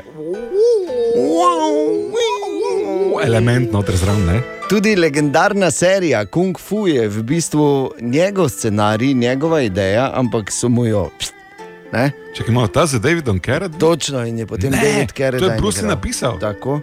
To je tudi hotel igrati v glavni vlogi in vse, ampak se rekli. Mogoče nisi najprimernejši. Ne, bomo dali, ne, ki mislim, govori o menihu in dogaja se na, mislim, ki se je šolal na kitajskem in vse to, ampak ne, mora ga igrati pač belec. Ne. Drugi časi so bili takrat to. A, ampak eh, bo eno vprašanje povezano z Bruce Leeem, zdaj ne vem, če Katja in Ana ne vesta, ampak mi dva z z Borom sva se poklonila Bruce Leeju. Ne? Ja. Ja, kak? Pri Na kak način?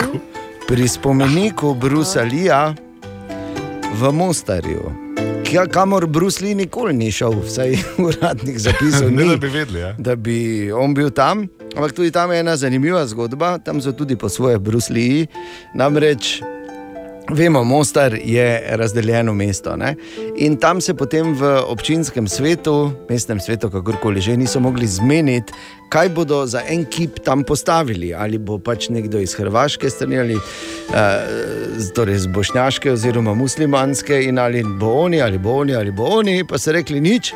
Ne bomo se kregali, te pa naredimo kip Lee. Čakaj, niso rekli, en je to predlagal. En je predlagal, bomo imeli ja, tako. dosmrtni mandat, ker je človek s takimi idejami. ne. Res je. V, v, v, v naš, na našem koncu bo samo en človek, ki ima podobne ideje, ki je hotel eno ulico v Framu preimenovati, pa mu niso pustili. Počakal Noris. Samo ja, Počakal to je Norrisa. krivica. Ja. Ampak take ljudi je treba spoštovati, jih je. dvigati na pedestal in dati je. dosmrtni mandat. Tako Dosmrtni in, mandat. se jim nuditi. In tudi na splošno, ker to so ljudje, ki razkrivajo kratko vidnost ne? ja, ja. nekaterih oblastnikov. Ampak ne, čez brez heca, dejansko je. dejansko je, če si v Mostarju, moraš iti gledati Kibruslija. Uh, zakaj pa ne bi danes na obletnico smrti pogledal v zmajevem gnezdu, pa tudi ne vem. Mal, Katja, Ana in Marko smo tukaj, malo pomisliti. jutro. Da- Dobro Dobro jutro. jutro. Uh, naj vam povem, jaz imam rad vesolje, Mhm. zanima me, kaj je tam zunaj, Ja. kaj vse raziskujejo, kaj še bo. In najbolj na svetu si želim, da bo v času še, ko bom jaz živel, da bo neki.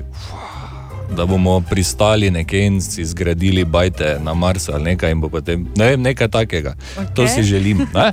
Ampak zdaj, ko se je šlo za te komercialne uh, polete, ki jim nisem namenil neke velike pozornosti, uh, sem pa včeraj gledal, ko je Jeff Bezos eh, letel torej, po vesolju z najmlajšim človekom v vesolju, torej 18-letnikom, in tudi z najstarejšim človekom v vesolju, 82-letnico, gospa je šla gor v vesolje. Ja. Pilotka, In ne? sem bil razočaran. Zakaj? Dan, dan, dan. 11 minut so bili v vesolju. 11 Aha. minut, karta pa je bila 30 milijonov dolarjev. Za 11 minut. Jaz sem mislil, da grejo ne, malo na mednarodno vesoljsko postajo, malo bi se peljali tam za kakšen mesec, pa malo okoli Lune. Ne? Ali kaj, mislim, se pa te lahko letijo? Ja, če si že enkrat gori, ne? Ja, no, malo proti soncu, da te skuri, si bil na dopustu, da prideš pa se lupiš, ne? recimo. Tako da uh, jaz ne grem v vesolje, v glavnem zato, ker nimam 30 milijonov. Okay. Drugo zato, ker za 11 minut se mi ne da pakirati vsega, mislim, se ne bi rado pakirati, ampak pol tam, da bi, Dejansko, ja. ziger bi bruhal ali pa nekaj, ko bi te tam bogi. Tako da eh, to pa, da se ne menimo, sta gledali vidve to včeraj? Ne še. Okay? Da se ne menimo o tem, na kateri del človeškega moškega telesa močno spominja raketa, v kateri so leteli. A ja, to pa vemo. Če je kdo so gledal. Govorili ja, o tem. Če ja. pa ne, pa si pogledajte, to je tako, kot ponavadi, ko si en kupi pač ful predragi avto, ful istopajoči avto. On je pač dal milijarde in milijarde v tako smešno raketo. Dobro jutro. Dobro, Dobro jutro. jutro. Web, web, web, web check. Ok, uh, 6 in 23 minut kaže ura, uh, Bor, ti ne vidiš, ne, kaj se dogaja tukaj na radiju. Mislim, vidim toliko, koliko vidijo tvoje oči. Okay, ker jaz sem eh, prišel zjutraj in eh, prvo, kaj vidim, da eh, Katja brska po eh, straneh za odrasle. No. Zdaj ne vem. vidim, da so vse rože od zdaj že crkljene, tako da je moče Aha. na mesto, da bi se izobraževala okoli spolnosti, da najprej porihta življenje okoli sebe. Ne? To je ta modrost. Jaz bi rekla, da za svoje rože sem lepo poskrbela, bor za Tvoje tebe. pa boge, ja, bomo po rekli dveh letih kaj drugega, ampak zakaj jaz brskam po teh straneh? Sklepam, da iz eh, službenih razlogov. Tako, Okej. točno. iz službenih Vsak je dober, Katja. Ja, poslušajte, Pornhub se je namreč znašel na sodišču. Spletna stran po novem namreč ponuja sprehod po znanih muzejih od eh, Louvra, Franciji, pa potem do muzeja Del Prado v Madridu. In eh, tam v bistvu imaš točno na tistih mestih, kot dejansko so v muzejih, eh, akte teh. Mhm. eh, Te fotografije, ki so poustvarjene z zvezdnicami iz teh vročih filmov, ali kako bi rekli. No. Okay. In eh, v bistvu se premikajo in delajo stvari. Kako si pa to lepo povedal? Lepo, osnovno stvari. Žgejo se po teh virtualnih muzejih. Torej. Bor, no. Bor. Je Bor. Nekaj vmesnega bi lahko našli, med Ja. žgejo se pa med uh, delajo stvari. Uh, Ja, saj, če govorimo o Pornhubu, potem je logično, kaj ja, no, delajo, vse ne. očitno. Vse je vsem jasno. Tako. Okay. Justin Bieber recimo, na Instagramu ponovno dviga prah, objavil je namreč fotografijo svojo drago in pod njo zapisal oče in mama. In seveda so Oh. potem vsi na veliko čestitali, uh, kaj ti mislili so, da bosta postala starša, na kar je seveda zadevo rešila njegova že, žena. Mhm. In uh, je zapisala komentar, da bi mogoče bilo pametno, da doda pasja, mati in oče. Okay. Mogoče je bilo pametno, da ne objavlja več sploh. Ja, naj njej prepustite. Ja. In pa potem, ko je bila več kot 50 let pogrešana, so ponovno našli modro oblekico Doroti iz filma Čarovnik iz Oza. Našel jo je profesor Univerze v Washingtonu, potem ko je v bistvu čistil svojo novo pisarno, bila je v škatli za čevlje, tako da noben je ni ukradel, samo slabo so jo pospravili. Dobro. Založili so. Zanimivo. Ja, To je to, ali kaj? ja pa dobro. A ja, okay.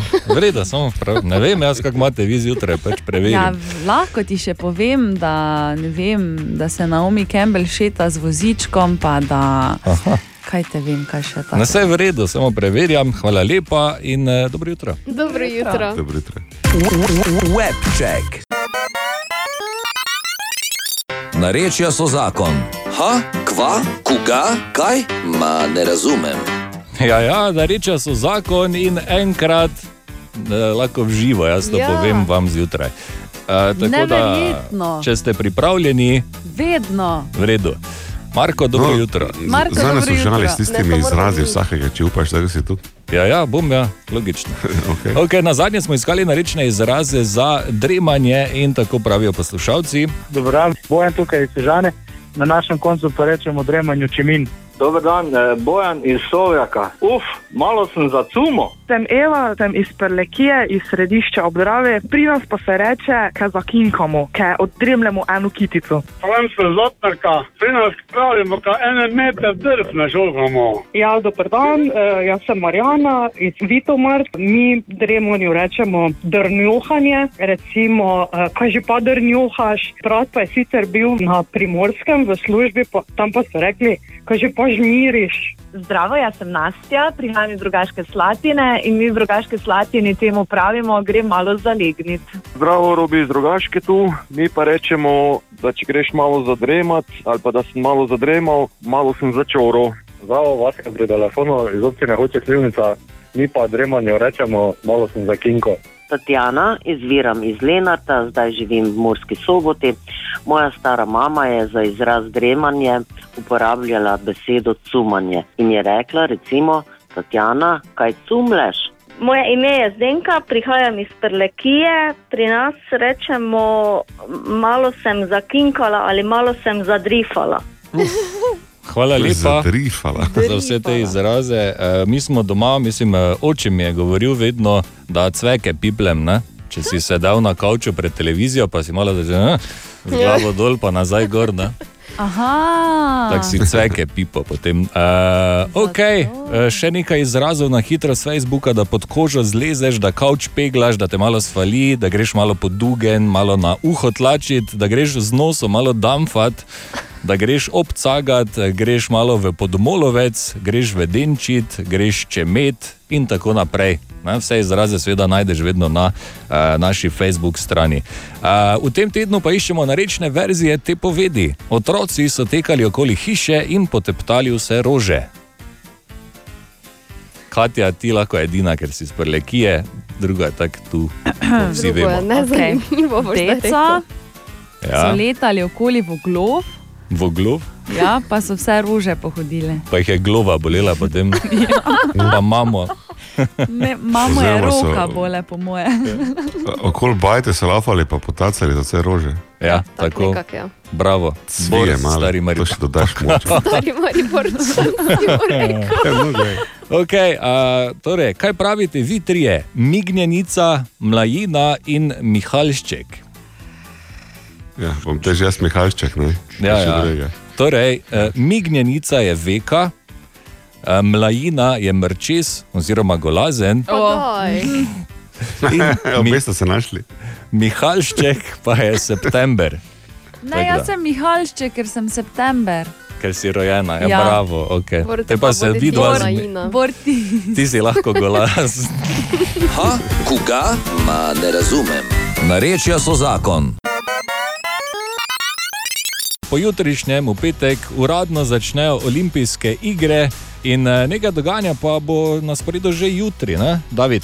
Ja, res je tako. Pretekmovanja se že začenjajo, naprimer v nogometu in bejzbolu oziroma v softbolu. Je pa kljub temu, da so bile te igre za eno leto predstavljene in da gledalci v živo ne bodo prisotni, prav da so jih organizirali, razlaga Tomaš Barada, podpredsednik Olimpijskega komiteja. Treba se zavedati, da je to ena generacija športnikov, ki se je kvalificirala na te igre in dejansko so morda na samem vrhuncu športa in če bi te igre za njih odpadle, jih verjetno za nekatere nikoli več ne bi bilo. Tako da v tej smeri gledano je za tiste vsekakor prav, da se te igre zgodijo.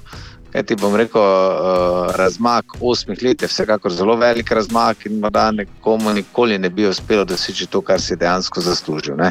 Je pa seveda res, da bom rekel, je eh, velika odgovornost na samem organizatorju oziroma eh, Mednarodnem olimpijskem komiteju, da bi to speljali. In začne se torej v petek, na to pa sledi 17 olimpijskih dni, zaključi se vse skupaj 8. augusta. Krasno, so pa nekateri športi tudi na novo na teh igrah. Ne? Ja, res je nekaj novosti, je med drugim tudi karate in pa bejzbol oziroma ženska različica softball. Vsi so na japonskem izjemno priljubljeni, potem pa tudi zanimivo deskanje na valovih oziroma surfanje in pa rolkanje oziroma skejtanje v žargonu. Torej, dejstvo je, da se čas eh, športa spremenja kot tak. Vsaka država ima možnost vključitve eh, posameznih panog, eh, novih panog. Torej, jasno je, da karate bo na teh olimpijskih igrah, žal ga več ne bo v Parizu, torej na naslednjih olimpijskih igrah ga ni v programu, torej zdaj kot demonstracijski oziroma poskusni šport.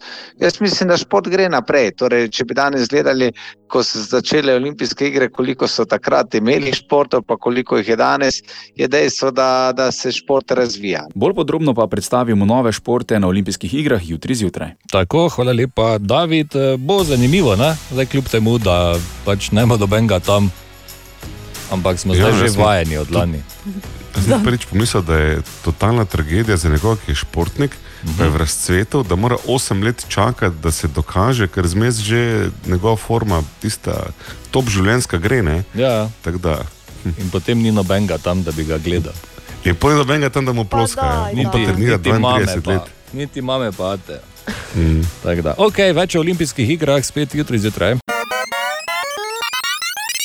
Katja, Ana in Bor in Marko in mi smo tukaj. Dobro jutro. Dobro jutro. Dobro jutro. Uh, če ste pripravljeni, jaz bi vam rad predstavil eno zanimivo mini rubriko, ki smo jo oblikovali s Tomažem v soboto. Hm? In uh, če vas zanima, no? Ja, seveda. Kako se Predstavi. drugače ni treba, se lahko rečete. Daj, no, predstavi.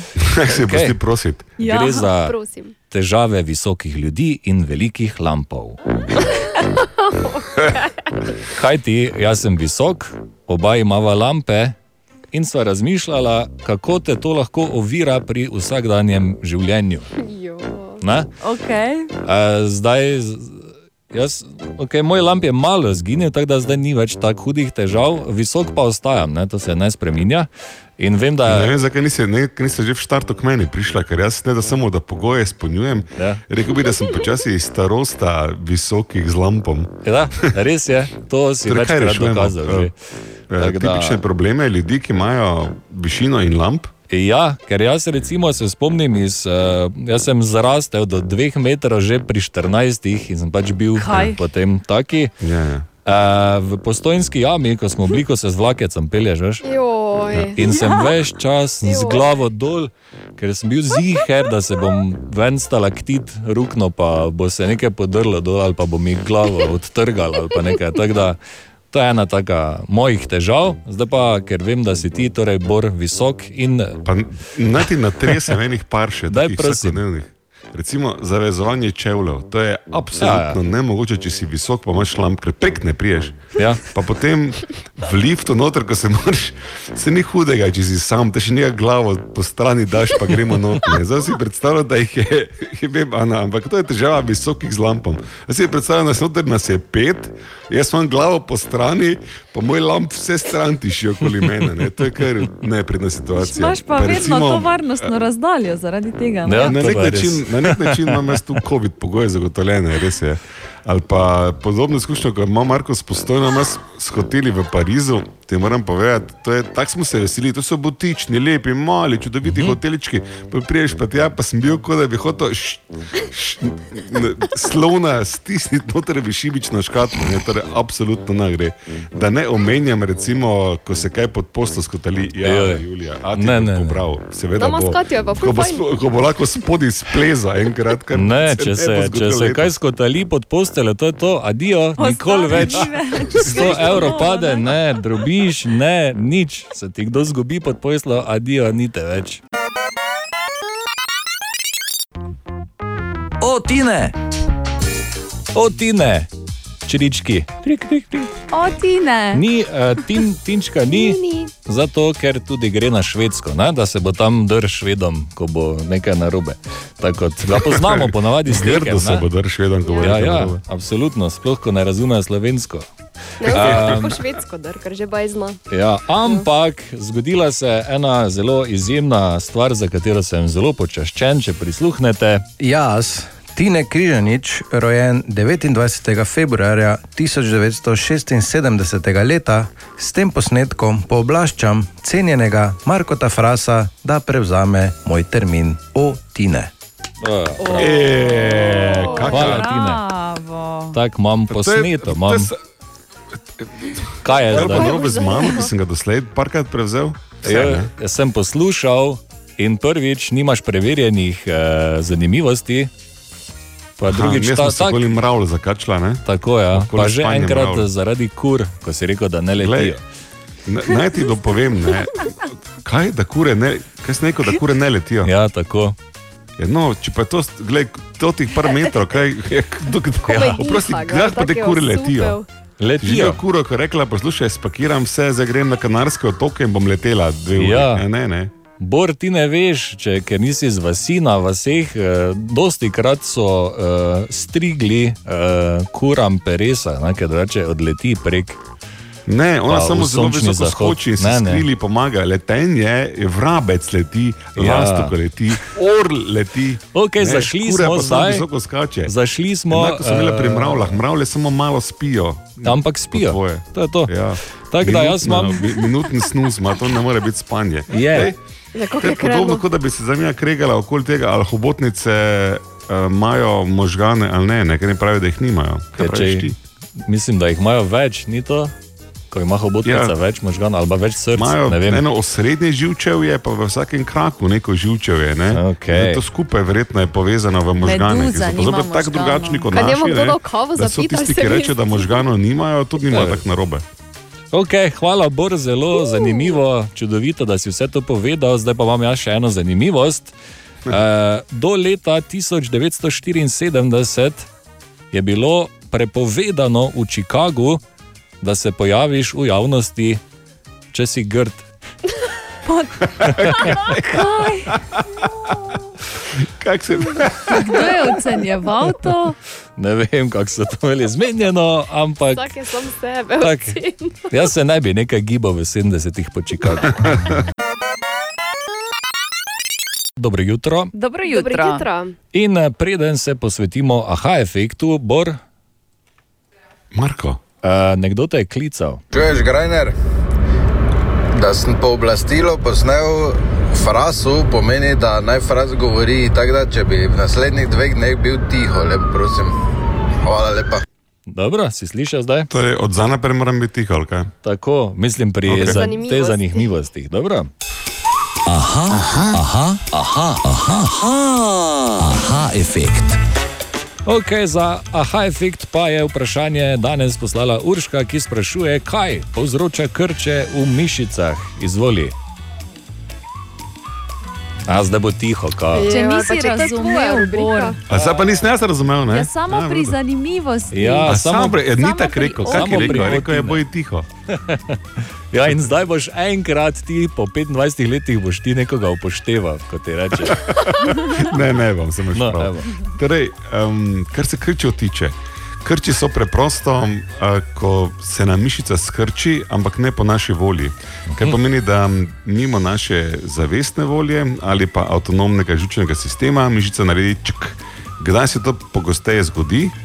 Eden izmed, oziroma vzroki tega uh, so, če smo se preveč naprezali, um, če smo premalo pili, če imamo premalo elektrolitov, -huh. če ne pride dovolj krvi do mišice, ali pa če smo noseči.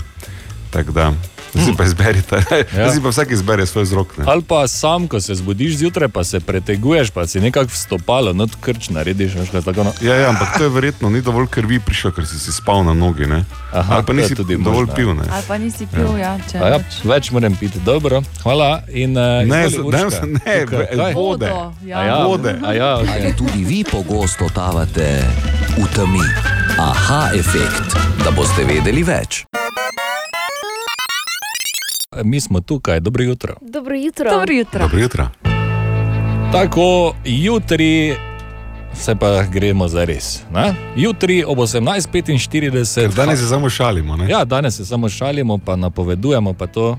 Danes so samo vici, jutri pa gremo za res. Uh, na švedskem Hammarby in Maribor ob 18:45, uh, torej tekma, potem povratna še naslednji teden. Uh, danes naši nogometaši potujejo z Mariborskega letališča ob 9:30 in Dejan gre z njimi, Tinček gre z njimi, Šalce gre z njimi, Dejan pa je na letališču. Dobro jutro. Ja, dobro jutro. Jutro. Kaj zdaj vi? Zdravo. Lep Ja, kaj? pozdrav iz O, Mariborskega letališča, kjer je lepo vreme, rahlo oblačno, ampak pretežno pa jasno. to je vremenska napoved, za kratke je. Prvi nogometaši že prihajajo, moram povedati, in uh, imam priložnost res izjemno, da spregovorim s prvim. Dobro jutro. E, dobro jutro. jutro, torej prvi nogometaš Tine. Je že tukaj Tine, kakšni so občutki zdaj pred potjo v uh, Stokholm? 110% bomo dali.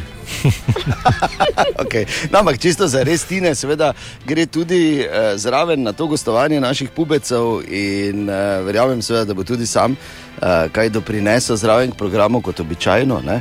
uh, kako cufano, svinino ali kaj podobnega. No, v vsakem primeru. Zna tudi kakšna beseda past. Ko... Švedska. Švedska, ko ne bi zdaj, ampak. Kak si ti pripravljen, povej? Ja, super, jaz sem zdaj, eh, zdaj sem en teden že v Ikeju, full hodo. Aha, ok, tako da znamo, vemo, da je um, postelja, je, postelja je fika, ne? E, ja, pa one, ko so umetne rože, pa so uh, fejka.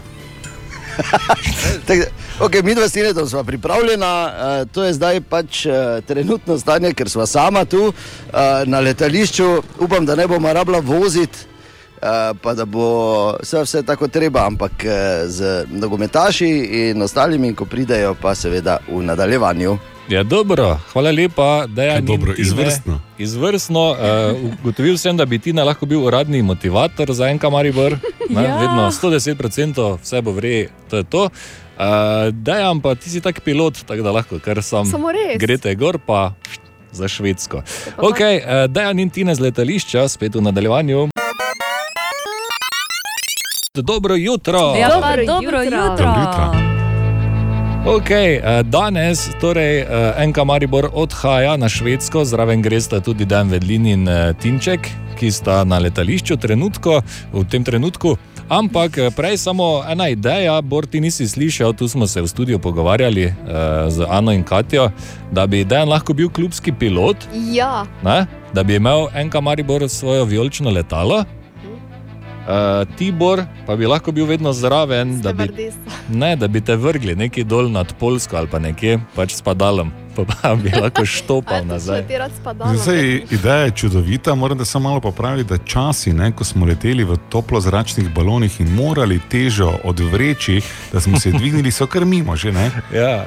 Ne tako, za špas, ne s padalom. ne pač, samo za s- forme, brez letala. Ja, ne. to- Kako bomo vrli danes Grajnera? Da ne? To bi bilo vredno. zraka, sej. ne. Kaj si nor, veš kako bi to bilo, pa sponzore bi imel, pa vse. Napadalo, gor bi se spustil nad Polsko, dol, recimo, ali pa nekaj. Sponzor današnjega meta so mestnine žakelj. Tako. Gregorec. Ok, okay gremo eh, na letališče. Hamar bi Maribor jutri ob 18:45, eh, danes torej letijo tja. Eh, Dejan, halo. Ja, zdravo z letališča, torej O, še enkrat zdravo. dobro jutro, Jutro. lepo vreme, mi smo tu zunaj, mi dva s Tinetom. In uh, kot vedno, preden greš na avion, ti ne moramo prebrati kaj. E, horoskop, ne? Obvezno in ustavlja se vse pri horoskopu za Bora, torej za ribi in kaj pravi. E, torej, to je sicer za mene tudi, ampak vemo, da to absolutno ne spada skupaj, ker ja. nismo v isti. not. E, torej, Bor, ne razvajajte tistih, ki jih imate radi, ker jim tako le škodujete.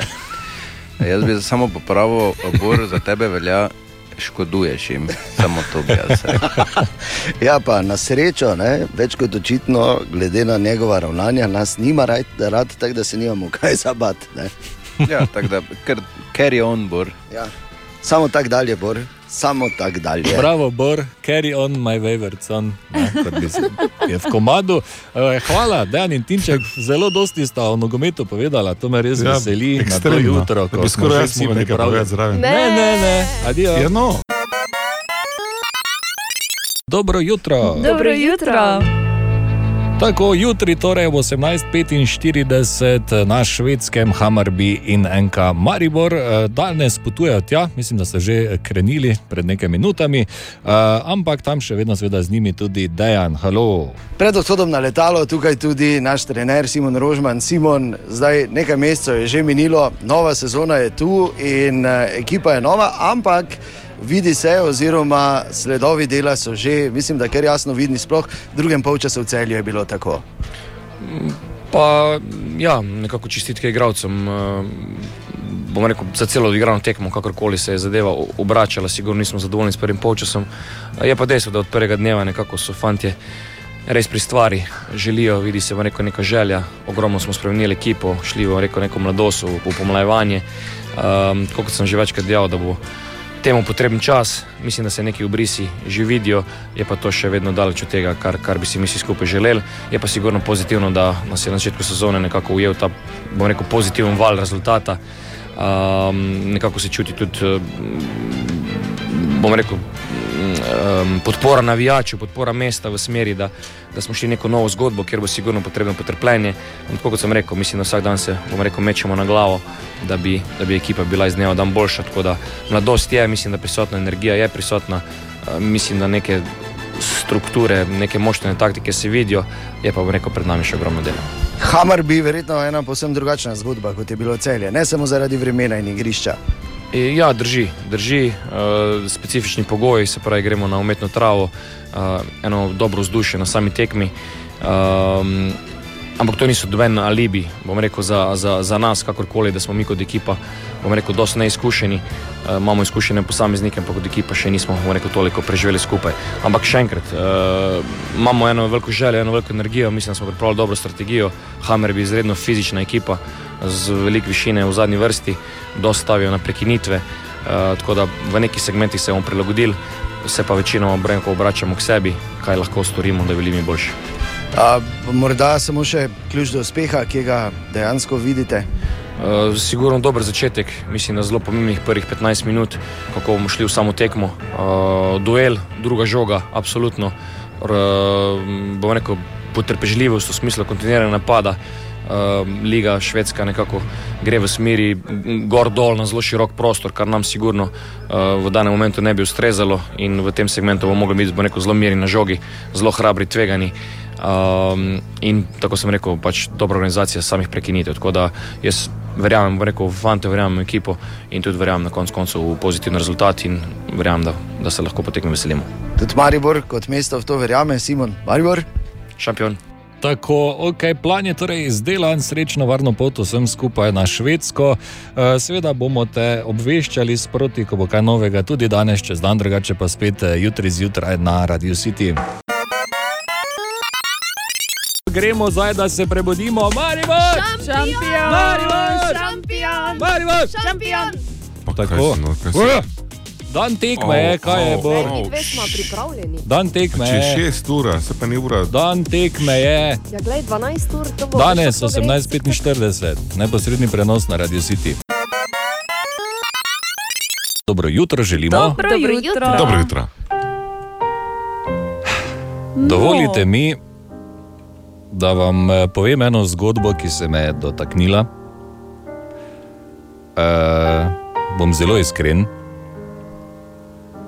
Jaz potočim salzo pri filmu samo takrat, ko se v filmu zgodi kaj s kakšnim psom. A, mhm. Pa doj. In teden ali dva nazaj zasledim objavo na Facebooku od eh, Društva za zaščito živali Maribor, da en eh, lastnik prosi, moleduje, da če lahko kdo pomaga njegovemu psu Soniju, ki je star pe- 15 let, in so ga postavili pred nemogočo situacijo, v bistvu, da se mora v roku 15 dni izseliti iz stanovanja, ali pa se mora psička znebiti. Taka banda je tam zunaj. To je prvo, kar me je razjezilo. In jaz gledam objavo in gledam, me natipkano sem že imel telefonsko, nisem vedel, kam bom dal uh, Sonija, ki ga bom imel točno, kako bom skrbel za njega, ampak sem ga, sem ga hotel rešiti. Potem pa pogledam, da je Sony bogi, stari ne more več po stopnicah, tako da iščejo hišo s pritličjem, vrtom. In potem sem mislil, pač žal, upam, da Sony najde dom. In včeraj, včeraj se je vse obrnilo na bolje, kajti videl sem, da so Sonija k sebi vzeli in je odpotoval v Malečnik. Ja, Ja. hvala Bogu. Malo smo Sony. Sony bo jesen svojega življenja preživel lepo, nekje malo ven iz mesta, ko je malo trave, pa tako, pa še enega kužeka ima tam. Uh, kužek Nemo, s katerim sta se baje takoj povezala, uh, tako da Sony ni več v nevarnosti in mal, malo je lepše, no? vse je dosti drugih grozot na svetu, ampak taka mala stvar, ki je v bistvu zelo velika, mi je uh, včeraj polepšala dan. Tako da hvala Sara in Boštjan iz Malečnika, ki sta rešila Sonja. Bravo. Ja, bravo, bravo. Sara in Boštjan, res. Dobro jutro. Dobro jutro. Web, web, web, web check. Katja, Nove raziskave so pokazale, da yes. So prav naši sosedi Hrvati najdebelejši ljudje v Evropi. okay. Podatke Čakaj malo, so. kot je rekel Marko, imaš ti papire, da Hrvatom govoriš, da so debeli. Pa dobro, no, ja, zato tudi imam papire. Veš, kako imam jaz papirov? Raziskovalka, ja. okej. Raziskovalka, ja. Sicer smo podatke zbirali že leta 2019, ampak je bila raziskava objavljena komaj včeraj. Več kot 70% moških na Hrvaški ima prevelik indeks telesne mase. Ja, samo zdaj morajo to še enkrat delati, če je bila karantena vmes. Ja, In to mi smo moje jedli, boljše, da ne oni- grejo. Ne? Oni so ribe so jedli. samo še bolj debeli zdaj. Ne, mi smo. Ja. Ja. Smo si naročali meka domov. Okay. Okej, torej, takoj za, ne, moram še povedati par zanimivih podatkov. Takoj za njimi so recimo Maltežani, potem smo Maltežani, potem smo Slovenci na petem mestu. In pa eh, res je, da imate moški večji problem v čisto vseh evropskih državah. Je več debelejših moških kot žensk. Ja, pa veš, zakaj je tako? Ker naroči, ne, pa so samo velike oči. Pa, pa hrana, ne bomo bek metali, pa to kanto. Kanto ima pa dve roki, dve nogi, pa pač pojede. To Seveda. je ta krok, ki se Seveda nikoli ne konča. ženske, Točno tak je. tako Pa Mhm. Ja. drugače. Ja. Ne, to je samo odnos, eh, zelo dober odnos do hrane, pač da ne mečeš stran. Ja. Tako, hrane res Prav. ne mečemo v stran. Tudi očetu ne govorimo kanta, samo to, to, to pač počasi. ne. Dobro. Vsi oboževalci skupine Coldplay uh, prišli boste na svoj račun 15. oktober, prihaja namreč njihov nov, že deveti studijski album. Okay. Že jutri pa lahko pričakujemo prvo pesem iz tega albuma. Nekaj ni, če Uh. pa je že higher, higher power, je verjetno. Oziroma naslednjo pesem. Tako, Dobro, ja. tako. E, Angelina Jolie Ja, je vrni naredila. papire za muziko tudi. Ja.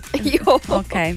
Nimamo pa papirov, recimo, še um, za čebelarko, tako kot Angelina Jolie, ki je naredila Res? tečaj za čebelarko. Hm, pa No, pred kratkim je sodelovala v neki kampanji prekrita s čebelami po obrazu. Ja, Zanimivo. ja, ampak to Vah. isto ni bilo točno povezano z tem Aha. Njenim tečajem. Potem eh, tri dni, recimo, vam že hočem povedati in vedno pozabim, eh, da ima Adel novega fanta. A res, lepo. Ja, Bravo, Adel. Paul Verjetno Rich. Hrvata, ne? Ne, zredi- ja, no, Rich, ki je v bistvu agent eh, Lebrona. A, A sta skupaj? Ja, lepo. naj bi bila. No. In pa Kanye West ima novo pesem. No Child Left Behind. Zakaj? To pa me absolutno ni zanimalo. Ja, kaj pa če koga je? Ne. Tako. Imaš ti papire, da se nam pomeni? No, imaš ti papirje, da lahko rečeš, je. Dobro jutro. Dobro jutro. Dobro jutro. In uh, poleg tega, da je danes uh, uh, futbal, nogometni večer na švedskem, eh, se pa jutri začenjajo olimpijske igre v Tokiu, tudi uradno. Uh, David eh, se malo več pozanima o tem in letos so nas predvsem spet neki novi športi, ne David? Tako, med drugim tudi bejzbol in ženska različica softball, ki sta že v pogonu, s pretekmovanji so že začeli, potem pa tudi na novo rolkanje oziroma skejtanje, deskanje na valovih oziroma popularno rečeno surfanje, pa športno plezanje, kjer imamo tudi mi favoritko za medalje, Janjo Garnbred. Letos bo na sporedu tudi karate, japonska je seveda zibelka tega športa, zato so ga tudi postavili zraven. Pri atletiki bo na novo programu tudi eh, mešana štafeta 4x400 metrov, tekmo so prvič preizkusili že na svetovnem prvenstvu leta 2017. Pri boksu bo večja enakost spolov za boksarke, torej število moških težnostnih kategorij na olimpijskem turnirju se je zmanjšalo z 10 na 8, ženskih pa povečalo z 3 na 5. Pri plavanju bodo nove tri tekme, 800 metrov prosto za moške, 1500 prosto za ženske in pa tekma mešanih ekip na 4x100 metrov mešano. Ok. Čudi me, ko je rekel David, eh, softball, ženska različica bejzbola. Zanima Ja. me, kako je to v 2021, da že noben ni se obregnil ob to. Vse se tudi mi ne bomo zdaj, ampak pravim samo, Smo me, se že. me čudi. Uh, ok, uh, David, glede skejtanja, ki je priljubljeno tudi v našem mestu, eh, kako bi naj izgledalo eh, to tekmovanje? Ja, v bistvu bodo tekmovali v dveh različnih disciplinah, v parku in pa v uličnih preizkušnjah. Eh, Park pomeni, da je prizorišče enako kot za BMX, tekmovalci pa se spuščajo po izoblikovani progi, ovinkih in ob spremljavi glasbe izvajajo trike v zraku. Pri drugi disciplini pa gre za premagovanje ovir, torej ramp, ograj, eh, stopnic, klopi in pri tem prikazujejo tudi različne trike. Pri deskanju na valovih bo prizorišče plaža, ki je okoli 100 km oddaljena od olimpijskega stadiona v Tokiu. Tako v moški kot v ženski konkurenci bo nastopilo po 20 tekmovalcev, največ dva na državo, favoriti pa prihajajo iz Avstralije, ZDA in Brazilije. Bejzbol in ženska različica softball se vračata v olimpijski program, kolajne so podeljevali med letoma 92 in 2008. Zadnji olimpijski prvaki v bejzbolu so takrat postali Južni Korejci, ki so v finalu gnali Kobance, olimpijske prvakinje v softballu pa so v Pekingu postale Japonke. Tako v moški kot v ženski konkurenci bo tekmovalo šest reprezentanc, bo pa kar nekaj največjih zvezd tega športa manjkalo, saj je liga MLB v ZDA že v polnem pogonu. Ok, eh, super, hvala, David. Mene samo zanima, eh, vaša zadnja izkušnja s skatom, Ana. Oh. Uh, z otroki v skateparku, jaz. Uh, Si bila na skatu? ne, ne, jaz nisem okay. bila na skateu, jaz sem samo stala mehka zraven in sem gledala, Dobro. kaj počnejo. Katja, Študentski dom na hrbet sem padla. lepo, Joj. Bor. Pa, jaz sem ga videl. Eh, Če longboard šteje tudi. Dobro, super. Šteje Jaz sem- longboard? Pa ja, lahko je. Ja. Evo, včeraj sem ga videl. Evo, dobro, videl mislim, si si, kdaj da stal sem, na njem, to pa ne. Kaj noral, ga? Jaz sem enkrat olja naredil, pa sem se zlomil celi in od takrat ne več. tako da. Super, vsaka čas vsem, ki lahko skatate. Uh, olimpijske igre se začnejo jutri, še več informacij jutri in seveda bomo navijali tudi za naše. Super uvod v evropsko eh, sezono, super uvod eh, v našo sezono, domačo, enka Maribor. Danes pa upamo, da gre še naprej, en korak proti tekmi, na tekmi proti Hamarbiju. In na švedskem, seveda, je naša cela ekipa, v bistvu ekipa reporterja Milana, lahko bi gori snemali. Bravo, samo ja, res. je. Ja, Tinček, Dejan in Šalca so zgoraj, seveda, Dejan ima ta uradni del preko, ne, te intervjuje pa to eh, in eh, govoril je tudi, eh, seveda, z Markom Šulerjem. Športni direktor Marko Šuler, torej ob meni, pravzaprav uh, spremljava priprave na trening pred uh, to izjemno pomembno tekmo. Verjetno je prva stvar, ki, o kateri je treba povedati beseda ali dve, ta skala se je odvalila, potem ko je urar tu v, torej v pozitivni zgodovini. Ja, sigurno. Prvo srečanje, začetek, uh, vemo, kaj, kako težki so bili ti začetki za Maribor, uh, še posebej tudi v tistih drugih časih. In predvsem en zahteven nasprotnik, ki, ki mm, ponovadi v prvih krogih nismo navajeni. Tako da, sigurno, um, tisti prvi let je prebit, ampak uh, to je tekmovanje in, in kaj dosti časa ni, tako čaka naslednji in gremo dalje. In več kot lahko, zagotovo ne bo, ampak uh, Maribor pa vseeno zmaguje, tako lahko rečemo, ali pa je začel zmagovati po prvi tekmi v celju. Ja, tudi začetek prvenstva, uh, sicer zelo težek začetek na nekih zelo težkih pogojih, uh, uh, ampak ekipa pokazala karakter in, in uh, se mi zdi, da počasi fanti dojemajo tisto, kar želimo. Um, tisti Maribor pravi, ki, ki ni za odpisati nikoli. In jaz verjamem, da bo uh, tudi jutri ena zahtevna težka, tudi na enem malo drugačnem igrišču, uh, ampak uh, gremo, gremo z eno dobro popotnico in uh, narediti en dober rezultat za prvi polčas, potem pa seveda nadaljevati v Mariboru. Če smo se že dotaknili igrišča, tudi iz uh, igralske kariere, uspešne igralske kariere, zagotovo uh, si se že kdaj srečal z tako uh, plastično, pravzaprav ravnato površino in verjetno ne prevečkrat, ampak vseeno je velika razlika to. Ne? Mm, Ja, seveda je. Res je, da je tukaj ena posebnost, da to travo zalivajo, kar, kar ni normalno. Je pa seveda pogoji drugačni, en, en drugačen čutek, ena drugačna žoga, se treba prilagoditi. Um, je pa res, da to se predvsem za telo, uh, da bi igrali ogromno tekem na temo, je verjetno stvar drugačna. Tako da odigrati eno tekmo, pa zdaj, da bi rekli, da je to neki pogoji so taki za bojne, verjetno so navajeni oni malenkost bolj, ampak uh, bomo pa toliko bolj mi v Mariboru. No, ravno to, potem bodo oni verjetno imeli večje težave na pravi travi, potem takem. Sigurno, navajen si le ničesar drugega, ampak se pravi, to je ena stvar, ki se moraš zelo hitro prilagoditi. In, in, um, Zdaj, da bi bila taka razlika, um, je razlika, absolutno je, ampak um, pogoji so za oboje enaki in, in če bo to prednost za njih tukaj, bo potem prednost Mariboru za nas. A Enostavno se moramo uh, torej dotakniti tudi prestopnega roka in najnovejše pridobitve uh, v Mariboru. Morda za koga presenečenje, ampak zagotovo je nogometaš. Antoine Makumbu, velika pridobitev, opozoril je nas več kot očitno pri taboru, tudi Maribor oziroma tudi Marka Šulerja.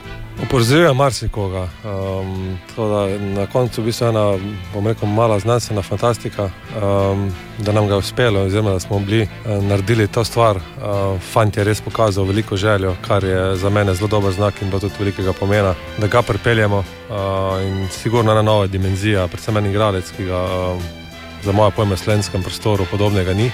Uh, Zaradi katerih odlik pa? Na žogi, eh, dinamika. Um, jaz je kaj dosti takih vid nisem videl, razen v vrhunskem nogometu. Uh, fant je izredno hiter, uh, predvsem pa ima možnost razigravanja tam, kjer uh, redko kdo ima, v gužvi, v, v, med več igralci, sprejemi. Skratka, um, jaz verjamem, da smo dobili eno um, resno, resno in dobro ekipitev za Maribor. Tako da verjamem, da, da, da um, naslednji tekmi se mogoče že priključiti. Ja, definitivno je v pogonu, ne se ne na zadnje je bil aktiven. Ne?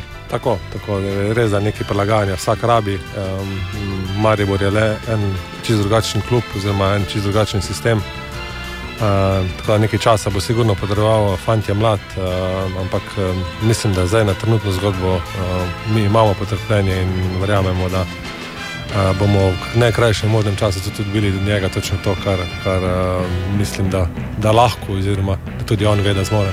Tako s pogovorom eh, se nadaljuje. Ko se zaletim nekaj eno besedo, no, ter s pogovorom nadaljujemo po naslednjem hitu, Maribor. Šampion. Šampion. Wellerman in Nathan Ev- Even, gledaj to. Redu, jaz, jaz grem domov. Ne, to je tako, uh, tako ime je. Nathan je, Ja, Nathan Evans. mhm, ja in te, in te zmoti, skupaj, če ja. je, ali je Nathan ali je ne, ne, ne, ne ble. Skratka, jo, da, dajem, prosim, nazaj na Švedsko. Športni direktor Marko Šuler, torej ob meni, pravzaprav uh, spremljava priprave na trening pred uh, to izjemno pomembno tekmo. Uh, Makumbu, torej, kot kaže, bodoča zvezda našega kluba, še katera, se še kaj obeta, govorilo se je tudi nekaj o morebitnih odhodih, še dodatnih, nekateri naj bi bili tudi odmevni, še morda kak prihod. To so seveda vprašanja, ki si jih zastavlja zdaj vsak navijač.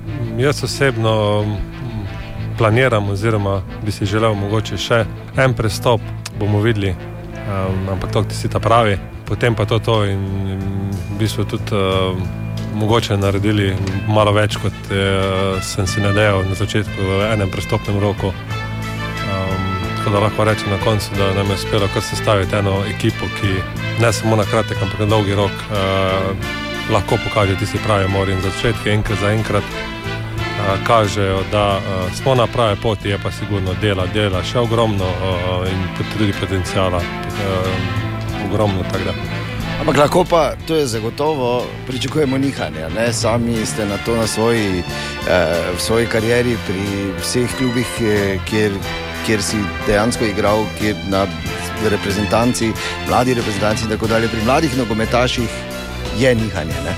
Absolutno, Sej, jaz mislim, da tudi kot publika, oziroma vsi uh, bližji klubu, um, razumejo to zgodbo. Saj zaenkrat je odziv zelo pozitiven in, in uh, pričakovati uh, s to pomlajeno in novo ekipo, da bi takoj vse šlo samo na zgor, je utopično. In, in bojo paci, sigurno, mi smo na njih pripravljeni, tudi fanti bojo, ampak uh, vseeno. Um, Nekaj potrpežljivosti več je potrebno, Verjamem pa, da eh, je ta Maribor lahko tekmovalen in uh, lahko se dela zelo lepa zgodba.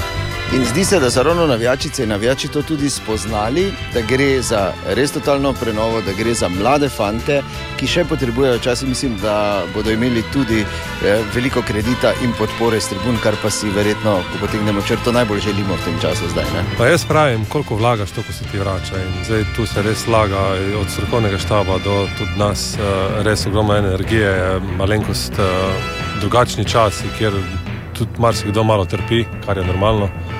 Uh, ampak vse zato, da bi uh, čim prej in na čim lažji eh, način uh, sestavili eno zgodbo, en tisti Maribor, ki ga um, smo že gledali, jaz verjamem. In, um, ja, je nekaj potrpežljivosti, bo potrebno, absolutno tudi z naše strani. Um, je pa na koncu delo, delo, delo in tisto, tisto, tisti Maribor, ki ga poznamo, ker drugače uh, jaz, jaz in tudi širša publika, jaz mislim, da uh, ve, da drugače to v Maribor ne gre. A, in s čim bi dejansko na prvi tekmi proti Hammerbiju bil zadovoljen naš športni direktor?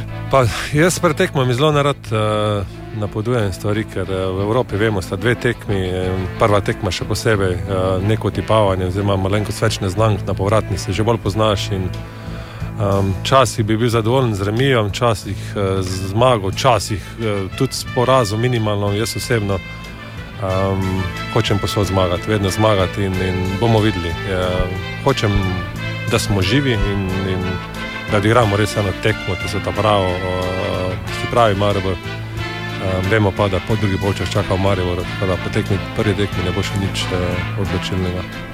Marko Šuler, hvala lepa za čas, veliko sreče, strokovnosti v Mariboru, seveda ne manjka, na dobri poti smo in verjamemo, da bo uspelo, verjamemo tudi ne na zadnje v vaše delo. In za konec našim lepim pozdravom, Maribor.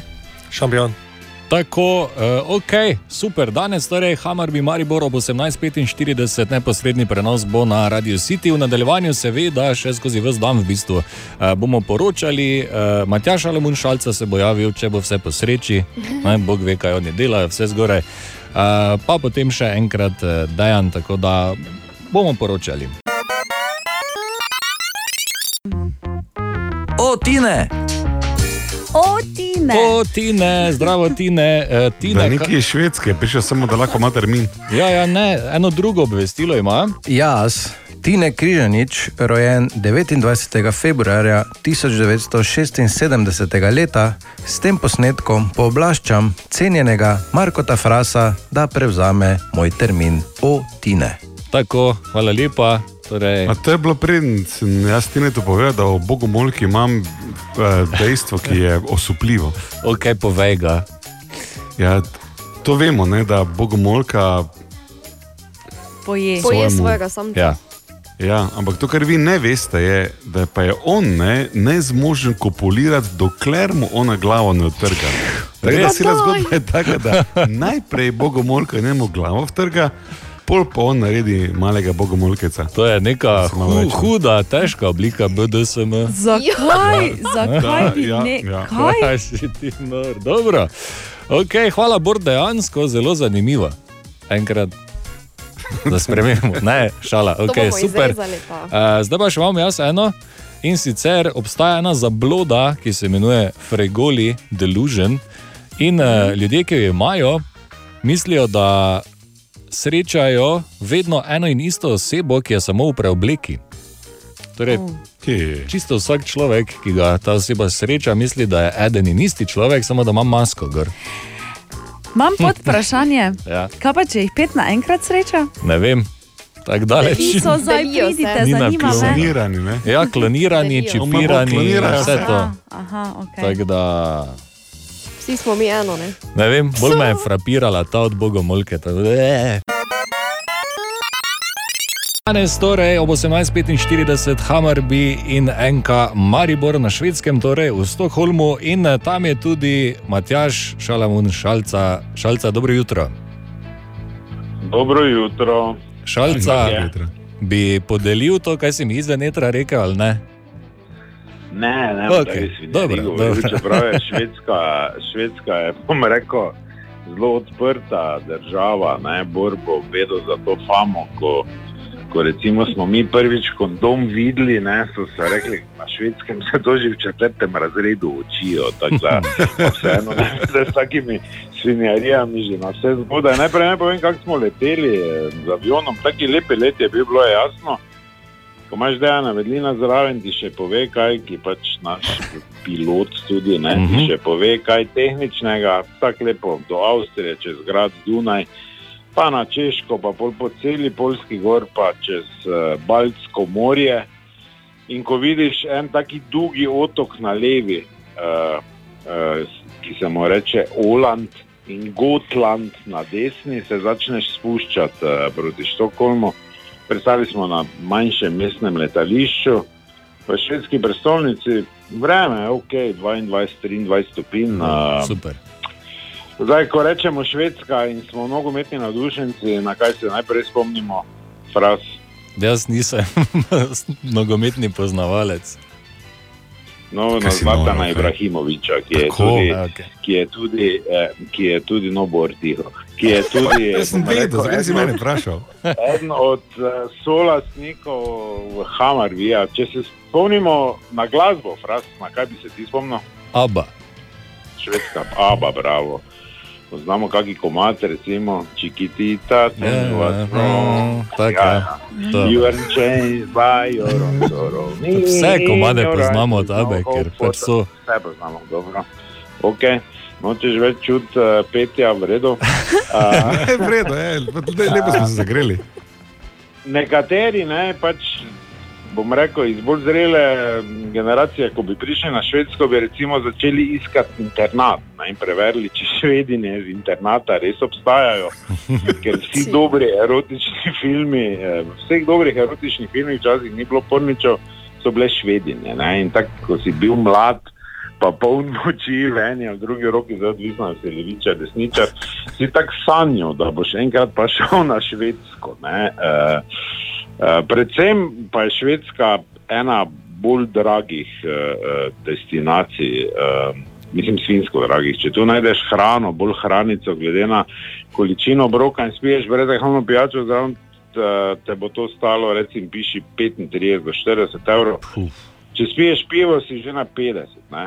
Ko najdeš lokal, tako smo ga mi včeraj, kjer je pir, recimo 6-6,5 evrov, tam spiješ dva, ker potem res ne veš, če še kje tako uh, poceni, ne sploh ne. Neverjetno. Uh, pravega šveda prepoznaš, taki pravilneži so, osveščeni, več ali manj resni. Zato je Štokholm eno bolj resnih mest, eh, v katerih smo gostovali, zdaj smo to že drugič. Ne, namreč enega od uh, švedskih ponosov, Ajka Štokholm, smo že uh, premagali. Ne? Uh, danes je na vrsti uh, Hamarbi. So pa tako, mislim, kljub temu, da veljajo za tako, bom rekel, dokaj odprto državo, tako so bolj, bolj jezni. So, veš, en šofer je bil včeraj po treningu jezen, ker smo zamudili uh, pol ure. ne. Uh, drugače, švedinje so blondne, uh -huh. to je bor, to skima. Uh, je jih več kot pravih švedov, ne? ker uh, uh, vse veš, problem švedske kot teh držav je, da pač izvornih prebivalcev skoraj da več ni, oziroma jih težko, uh, težko najdeš. Uh, ne? uh, v Radisson blondni Blue je- hotelu, Waterfront. Ja, hotel gen je Radisson Blue, recesivni gen, ne, Waterfront. Daj, zakaj me prekinjaš? Hotel eh, Radisson Blue Waterfront eh, je naše, tu smo nastanjeni, več ali manj štokom celi na vodi z mostički, ono lepo. Bom rekel, eh, ni sicer mesto, ki bi jaz dal med svojih top 10 mest, ampak ni grdo, ne? ni ima ono mast si, ampak če si že tu, rečeš, ne, vse imajo porihtan promet, ono vse. Radi so bili Waterfront, uh, mi vode pač ne vidimo, ker smo na delu hotela uh, prek oske ceste, gledamo v neke pisarne. To Skoraj tako blizu pisarn smo, kot da bi bili pomivalci okn pa čistili, recimo nekoč biro, torej v Mariboru. Ne. Zdaj, mi dva z Vedlinom, ki smo cimra, zdaj, da si z Vedlinom sobi ni neka nagrada, niti dolg čas, ne, eh, absolutno ne. Uh, mi da smo vseeno upala na neko švedsko odprtost. Ne? In ko smo bulila zjutraj v te pisarne, smo pač prazno upala, ker svoja ni bilo, da bo kakšen šved svojo sodelavko rukno že zjutraj, ker se nista videla čez noč. Smo pač računala na to švedsko odprtost, samo tu preko nobena dela, tako da bi ne rekel, da verjetno delajo od doma. Ne?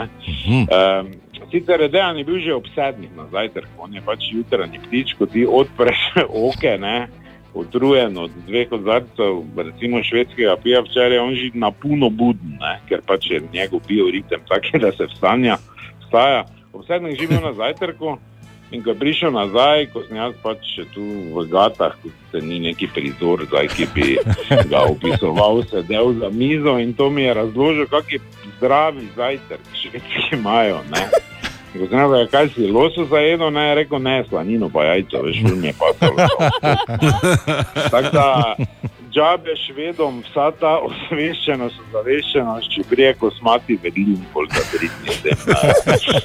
Ne, eh, drugače, če smo bolj nogometni stadion, je ta njihov, ki mi tudi ne nogometno deluje, mi gre na živce, to je ta večnamenski zaprti objekt, ki iz zraka zgleda dobro. Na enem podobnem smo že igrali proti Ajka Štokholm na tej tele dva areni, oziroma zdaj se nekako drugače imenuje, vse sem pozabil, pa igramo danes, ta je manjši. To so pač objekti, ki so namenjeni koncertu, sejmom, ne vem čemu še vse. In zaradi tega, ker je več ali manj zaprt in ker se streha zapira, tu ne more biti naravna trava, ker naravna trava seveda ne raste in je umetna trava. Ne? In ta umetna trava je, tako veš, predstavljaj si taki tepih, mislim, z takimi malimi dlakami. Ne? To se pravi, če bi bila dama ne neurejena, ne fulurejena, ampak tako na pol, tako tak gleda to ti. In to, in to oni polivajo, da je bolj hitro. In zdaj, glede na to, da bo danes tako 22 do 26 stopinj, pomeni, da bo igrišče od začetka hitro, čez 15 minut, ko bo ta voda izparela, izhlapela, pa bo v bistvu bolj počasno kot trava. Ne? V bistvu je, da naši tega niso navajeni, teren je zelo trdi, ampak gledaj, tako je rekel včeraj Simon Rožman na, na uvodnem govoru pred treningom, za vse je isto, ne? to zdaj ni izgovorov. ne. Da verjetno slabše, je, če je bila trava, pa je bile lukne, pa, pa ne vem kaj, tako da um, za vse je isto, ja? mi pa čupamo na najboljše.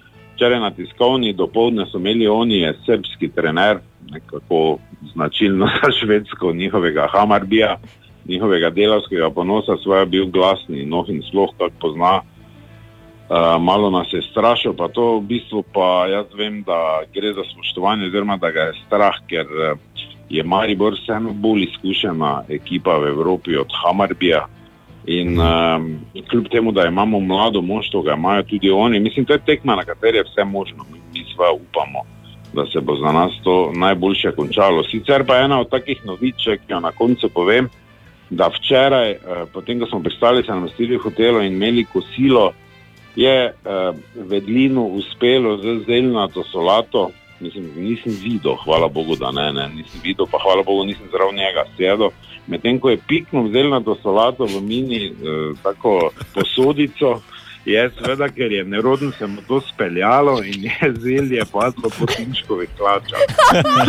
In potem je, in potem je seveda, uh, potem je seveda kot nosilec večjih bočnikov in pojstva na joj, Tinček, prosti, kaj se nam največ bi se bil, gremo zdaj v market, ti kupim druge, ne, radensko, hitro, flek, kaj se vidi ono, medtem ko je dalje glodal zelje, pa se živo, ne, kaj je pač imel in Tinčko pokvaril obrok. Uh, vse je pol tako naredil, da pol je tako obrno, kot da je pač tinček, je bi ga kriv, kaj pa te tu se tiče. Se pravi, jaz, pol morate vedeti, kak je meni, ker spim zraven vedlina. Ne? Jaz sem dvakrat po noči sem se vstal, pa sem se pač tako, ko sem bil obrnjen, malo probo, ne? ker nisem zihar. Zdaj, ko mali brat mi je v leta prišel, kaj ga lahko zgrabim. ne. Drugače, tradicionalno je tinček včeraj po par pirih, po pešconi. Um, Pokazal svoj ponos, to je pač tisti del telesa zadaj, kam ga sonce ne prime, ker rekel, gledaj, kako so švedi odprti. To sploh se noben ne gleda, če je ono.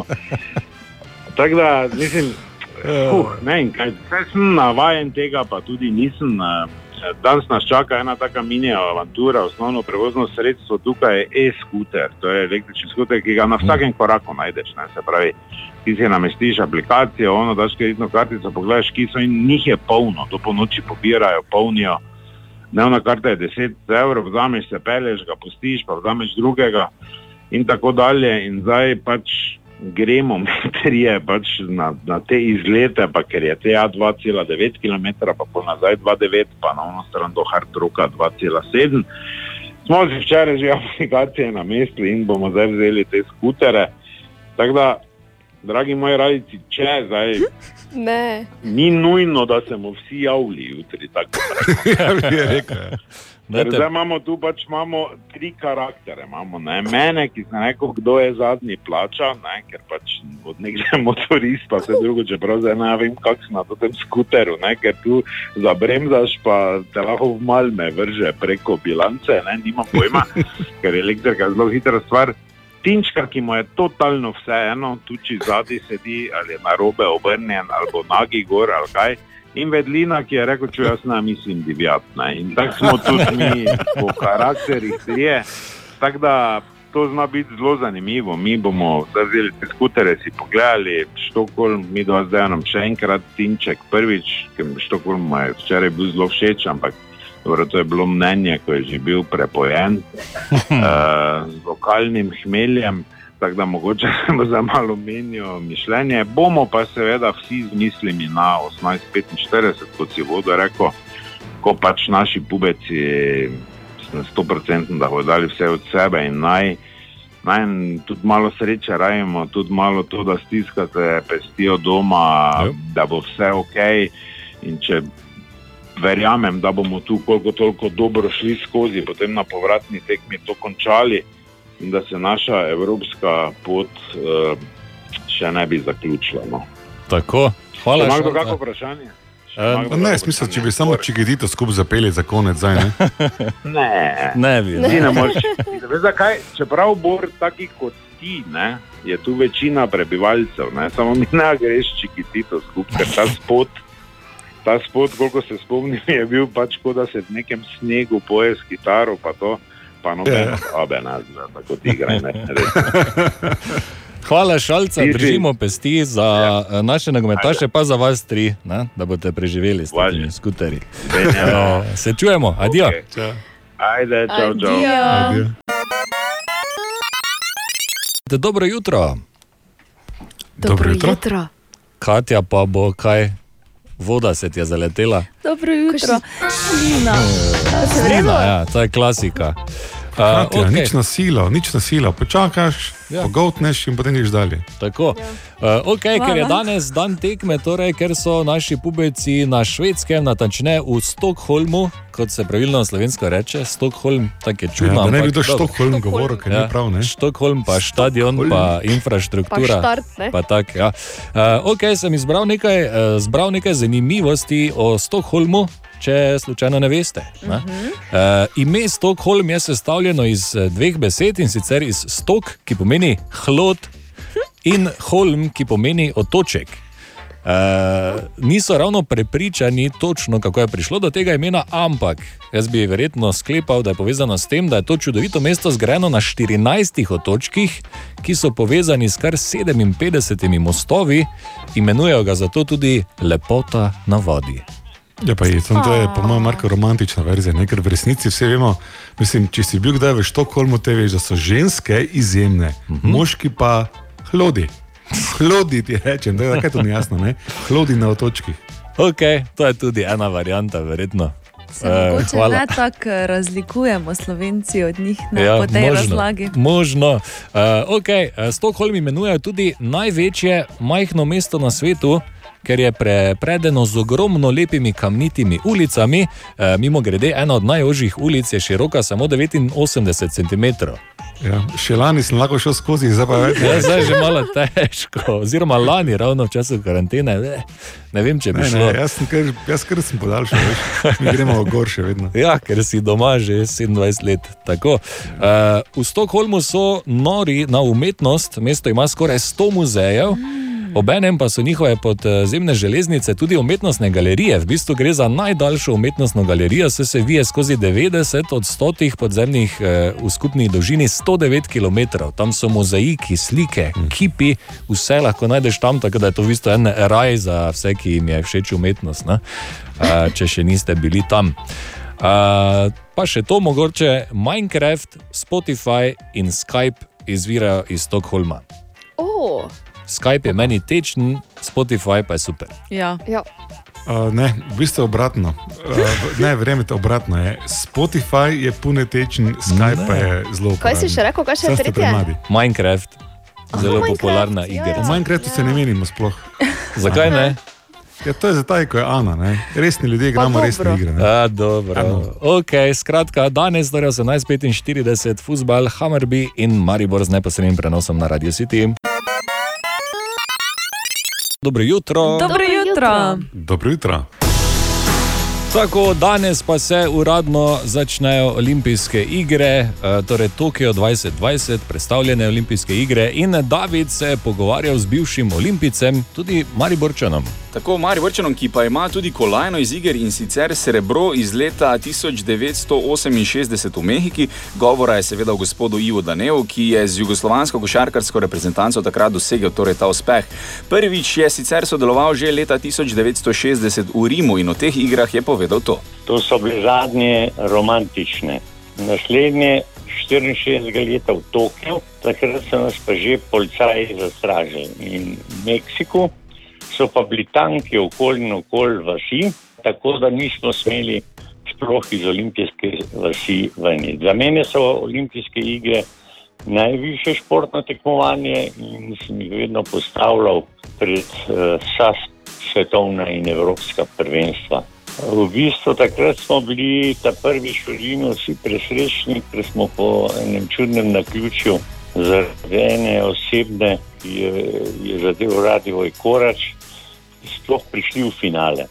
No, potem naslednje v Tokiu so bile že rutinske in v Meksiku uh, se pa lepo končalo, tako da imamo tudi srebrno olimpijsko kolajno. Pa mislite, da so zdaj naši košarkari že malo na trnih pred igrami? Ne, jaz mislim, da ti fanti so naredili eh, izjemen podvig, da so se sploh uvrstili, ker v Litvi pa sploh na domačem terenu, pa pred publiko. Pred tekmo sem sicer upal in želel, da bi zmagali, vendar nisem bil prepričan to. Mislim pa, da uh, ko so se uvrstili, ne, da ne bodo drugače igrali, kot so igrali te kvalifikacije. No, in če, bo, če bodo ponovili vse na eni tekmi ali proti Argentini ali pa Italiji, eh, tisto igro proti Litvi, potem se lahko nadejamo eh, še kakšnega uspeha. Kje ocenjujete, da je največja prednost naše reprezentance? No, to si ponavlja, da so izredni prijatelji med seboj. To je bila tudi eh, recimo, naša reprezentanca tam od leta 61 naprej. Eh, Brez tovarištva in kolegijalnosti v kolektivnem športu ne gre. En sam posameznik lahko ogromno prispeva, vendar mora imeti pomoč svojih igralcev. No, in Luka je nosilna osebnost eh, te naše reprezentance. Ima predvsem v Čančarju, pa temu um, Američanu, našemu izredno podporo, pa tudi ostalim misel za, za postaviti. Recimo Murič, uh, ki ni ne vem kako blestev v napadu, je to naredil veliko res že z obrambo, pa Blažič, ne samo v napadu, tudi v obrambi. In tudi ostali so prispevali, eh, lahko rečem, morda več, kot so sposobni, s tem, da imajo za sabo zaslombo Luke Dončiča. Prva tekma Slovenije bo v ponedeljek, nasprotnik pa Argentina. Super, eh, David, super pogovor, modre besede slovenske legende Mariborčana. Eh, ja, nič danes, torej se začnejo olimpijske igre, navijamo za vse naše slovence, še posebej za eh, Mariborčane in bomo sproti tudi malo spremljali. Ena od treh, treh, treh. jutranji sprehod po zgodovini popularne glasbe. In je čas, da se še zadnjič v tem tednu malo sprehodimo. Ha, ha, ha. Tak, po glasbeni zgodovini, in danes imamo v obdelavi J-Lo, Jenny from the Block, Jennifer Oh, Lopez, eh, ki jutri praznuje 52. rojstni dan, pa zgleda še vedno minus 40. 27 zgledajo. Dobro, ne pretiravati zdaj. Ja, ne? glej. Uh, ok, torej Jennifer Lopez, uh, plesalka, seveda igralka, oblikovalka, ne vem kaj vse dela v življenju, tako vsi ti znani imajo ogromno interesov, zato ker imajo dovolj na- denarja in časa, da lahko vse to počnejo. Uh, ok, izdala je recimo več kot 20 svojih dišav, premagala je uh, triatlon, v bistvu Nautika Malibu. 2 uri 22, 23 minut in 28 sekund, kar je pohvalno. Bravo. Jaz bi umrl. Uh, trenutno pa se seveda ogromno govori o njej, ker se je ponovno začela dobivati z Benom Affleckom. Torej, vrnila se je tako imenovana Benifer. Tako.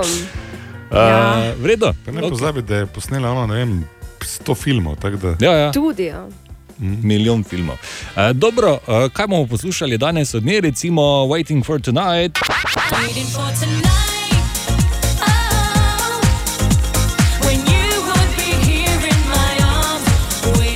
Ali pa kaj novejšega, Angel Mama.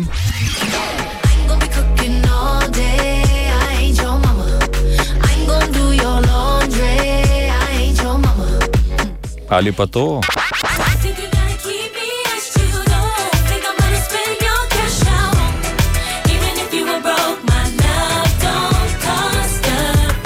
Morda ain't it funny.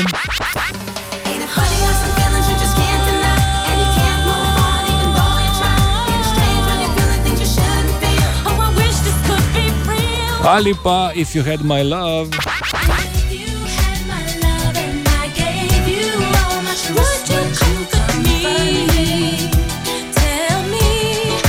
Mm -mm. Uh, dosti hitro je nanizala. Bogati opus ima. Bogati Če opus. nisem the block, mi mogoče samo manjka meni, ko sem pač taki. Ne? Taki, kaj zdaj? Bom se zmenil, da v ponedeljek dobiš. Ja. dobiš samo Jennifer Lopez v ponedeljek. Celo eno uro boš dobil ne, ne. Ni take vrste uh, manjkajošček. Kot Eagles, No, pa ne? če, ko sem rekel, pri tem čudovitem, pri tem čudovitem izboru sem pomislil, tu bi sam še Jenny on the block. Okay. Dobro, uh, bomo poslušali pa Waiting for Tonight, ker je petek in je tako malo Izjemno. party. Yes. Dobro, Izjemno. po oglasih. O, Tine! O, Tine, ki še ga ni, uh, dobro jutro pa želimo mi.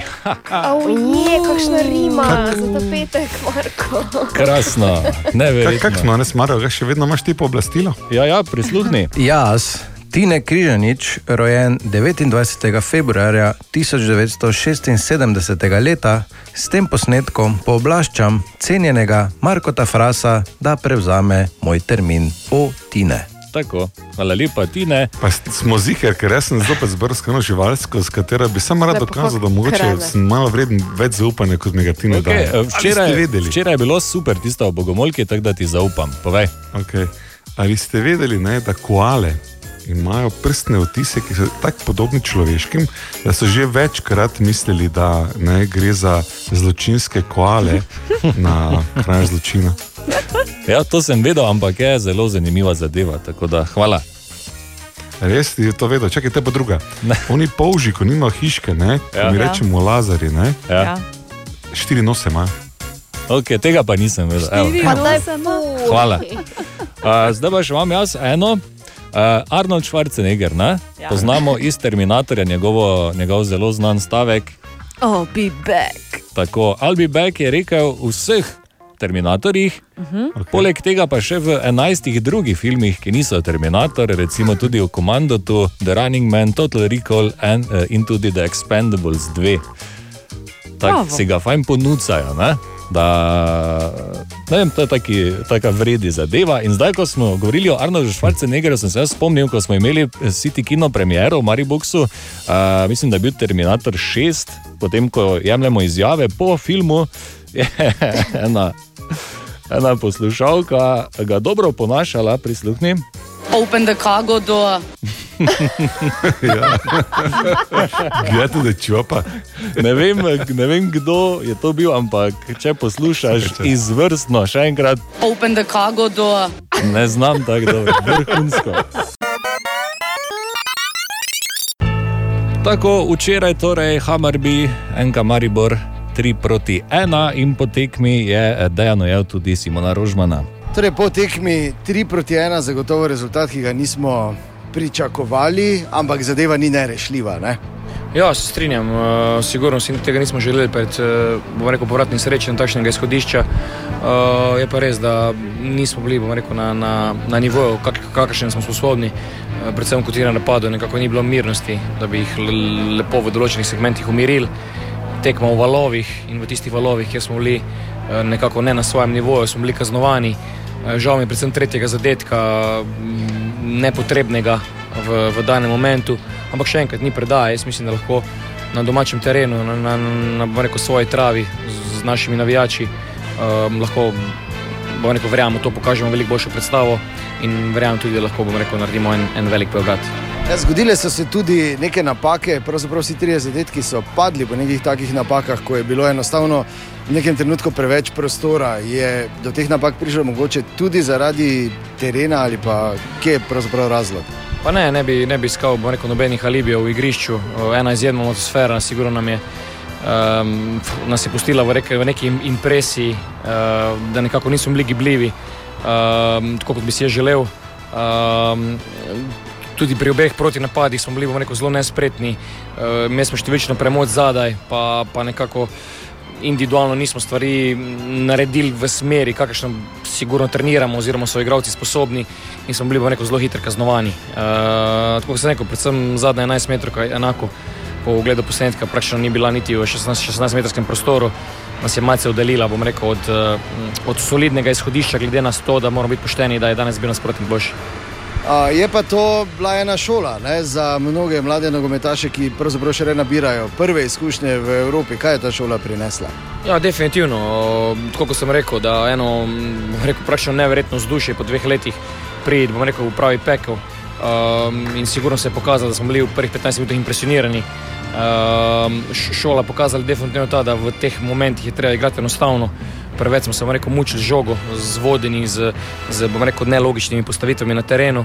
In tako kot sem rekel, ta impresija je ker mogoče malce predolgo trajala. Ampak še enkrat, ni dobene zamere fantom, smo mlada ekipa, rekel sem, da je to proces, ki, ki eh, bom rekel, traja včasih tudi več let. Uh, ampak še enkrat, dobene predaje, daleč od tega, jaz mislim, da lahko doma uh, pripravimo rekel, eno peklensko vzdušje in sem pripričan, da tudi njim ne bo lahko. In morali bomo biti vseeno nekoliko kon kon konkretnejši. Ne na zadnje, lovimo dva zadetka za ostanka, tri rabimo. Ja, definitivno drži. Videli ste pa, da nekako tako, ko malce odpreš prostor, da imajo izredno individualno kvaliteto spredaj, uh, od, od hitrosti rekel, do zadržanih žog. Tako da um, sigurno strategija bo šla v tej smeri, da poskušamo nadoknaditi ta rezultat. Simo Rožman, veliko sreče in ni predaje. Točno to. Tako, uh, v nedeljo torej tekma, prva te, domača tekma, naslednji teden še povratna tekma, uh, karte za nedeljsko tekmo pa spet v nadaljevanju. O, Tine! O, Tine, ki še ga ni, uh, dobro jutro pa želimo mi. Avje, kakšna rima za ta petek, Marko. Krasno, neverjetno. Kaj smo, ne smarajo, še vedno imaš ti pooblastilo? Ja, ja, prisluhni. Jaz, Tine Križanič, rojen 29. februarja 1976. leta, s tem posnetkom pooblaščam cenjenega Markota Frasa, da prevzame moj termin o Tine. Tako, hvala lepa, Tine. Pa smo ziger, ker jaz sem zopet zbrskano živalsko, s katero bi samo rad dokazal, da mogoče krave. sem malo vreden več zaupanja, kot mi ga ti ne Okay, včeraj, Ali ste vedeli? včeraj je bilo super tisto o bogomolki, tako da ti zaupam. Povej. Okay. Ali ste vedeli, ne, da koale imajo prstne otise, ki so tako podobni človeškim, da so že večkrat mislili, da ne, gre za zločinske koale na kraju zločina? Ja, to sem vedel, ampak je zelo zanimiva zadeva. tako Da, hvala. Res ti je to vedel, čakaj, te pa druga. Ne. Oni polži, ko nimajo hiške, ne, Ja. ja. mi Ja. rečemo lazari, ne, Ja. štiri nose ima. Okay, tega pa nisem vedel. Samo. Hvala. Uh, zdaj pa še imam jaz eno. Uh, Arnold Schwarzenegger, ne? Ja. poznamo iz Terminatorja, njegovo, njegov zelo znan stavek. Oh, be back. Tako, I'll be back je rekel v vseh Terminatorjih, Mhm. okay. poleg tega pa še v enajstih drugih filmih, ki niso Terminator, recimo tudi v Commandotu, The Running Man, Total Recall in uh, in tudi The Expendables 2. Tako si ga fajn ponucajo. Ne? Da, ne vem, to je taki, taka vredi zadeva. In zdaj, ko smo govorili o Arnoldu Schwarzeneggerju, sem se spomnil, ko smo imeli City Kino premiero v Mariboku, uh, mislim, da je bil Terminator 6, potem ko jemljemo izjave po filmu, ena, ena poslušalka ga dobro ponašala, prisluhni. Open the cargo door. ja. Gledate, da čopa. Ne vem, ne vem, kdo je to bil, ampak če poslušaš izvrstno, še enkrat. Open the cargo door. Ne znam tako dobro, vrhunsko. Včeraj torej Hamarbi in NK Maribor 3 proti 1, žal poraz, ampak seveda gledamo še na povratno tekmo. In včeraj po tekmi je Dejan Vedlin ujel tudi Jana Repasa. Jan Repas, torej 3 proti 1. Uh, bila je to še ena šola v bistvu za našo, našo ekipo, ne danes. Ja, jaz mislim, da smo se iz tega ziharke naučili. Ena tež, zelo težka tekma, mislim, da zaslužena zmaga domačinov. Ampak, ja, kot sem rekel, da smo se nekaj iz tega naučili, pa v bistvu to moramo prenesti na naslednjo, na naslednjo tekmo. Ne. Ampak ne smemo pa razmišljati. Videlo se je, bilo je nekaj, nekaj dobrih minut, da se igrati za, za to ekipo. Ne? Ja, jaz mislim, da se da. V bistvu, Ko smo stopili na žogo, takrat v bistvu se je v bistvu pojavilo nekaj več prostora, med prostora in mogoče bi mogli še bolj to izkoristiti. No. V vsakem primeru pa eh, razlika bo doma. Ne samo domači navijači, verjamem, da bo tudi doma grmelo, kot je tukaj, tu sicer bolj zaradi akustike kot količine, ampak tudi sama trava. Ne moremo mimo tega, ker se je videlo, da je precejšnja razlika. Ne? Ja, neka razlika sigurno je, uh, ampak ja, ko, v bistvu se veselimo povratne tekme z navijači, s podporo iz tribun. Jaz mislim, da lahko naredimo res eno dobro atmosfero in pač ta rezultat obrnemo. No. Hvala lepa, Jan, veliko sreče. Hvala ti. Dobra, mali in stari. Podcast jutranje ekipe.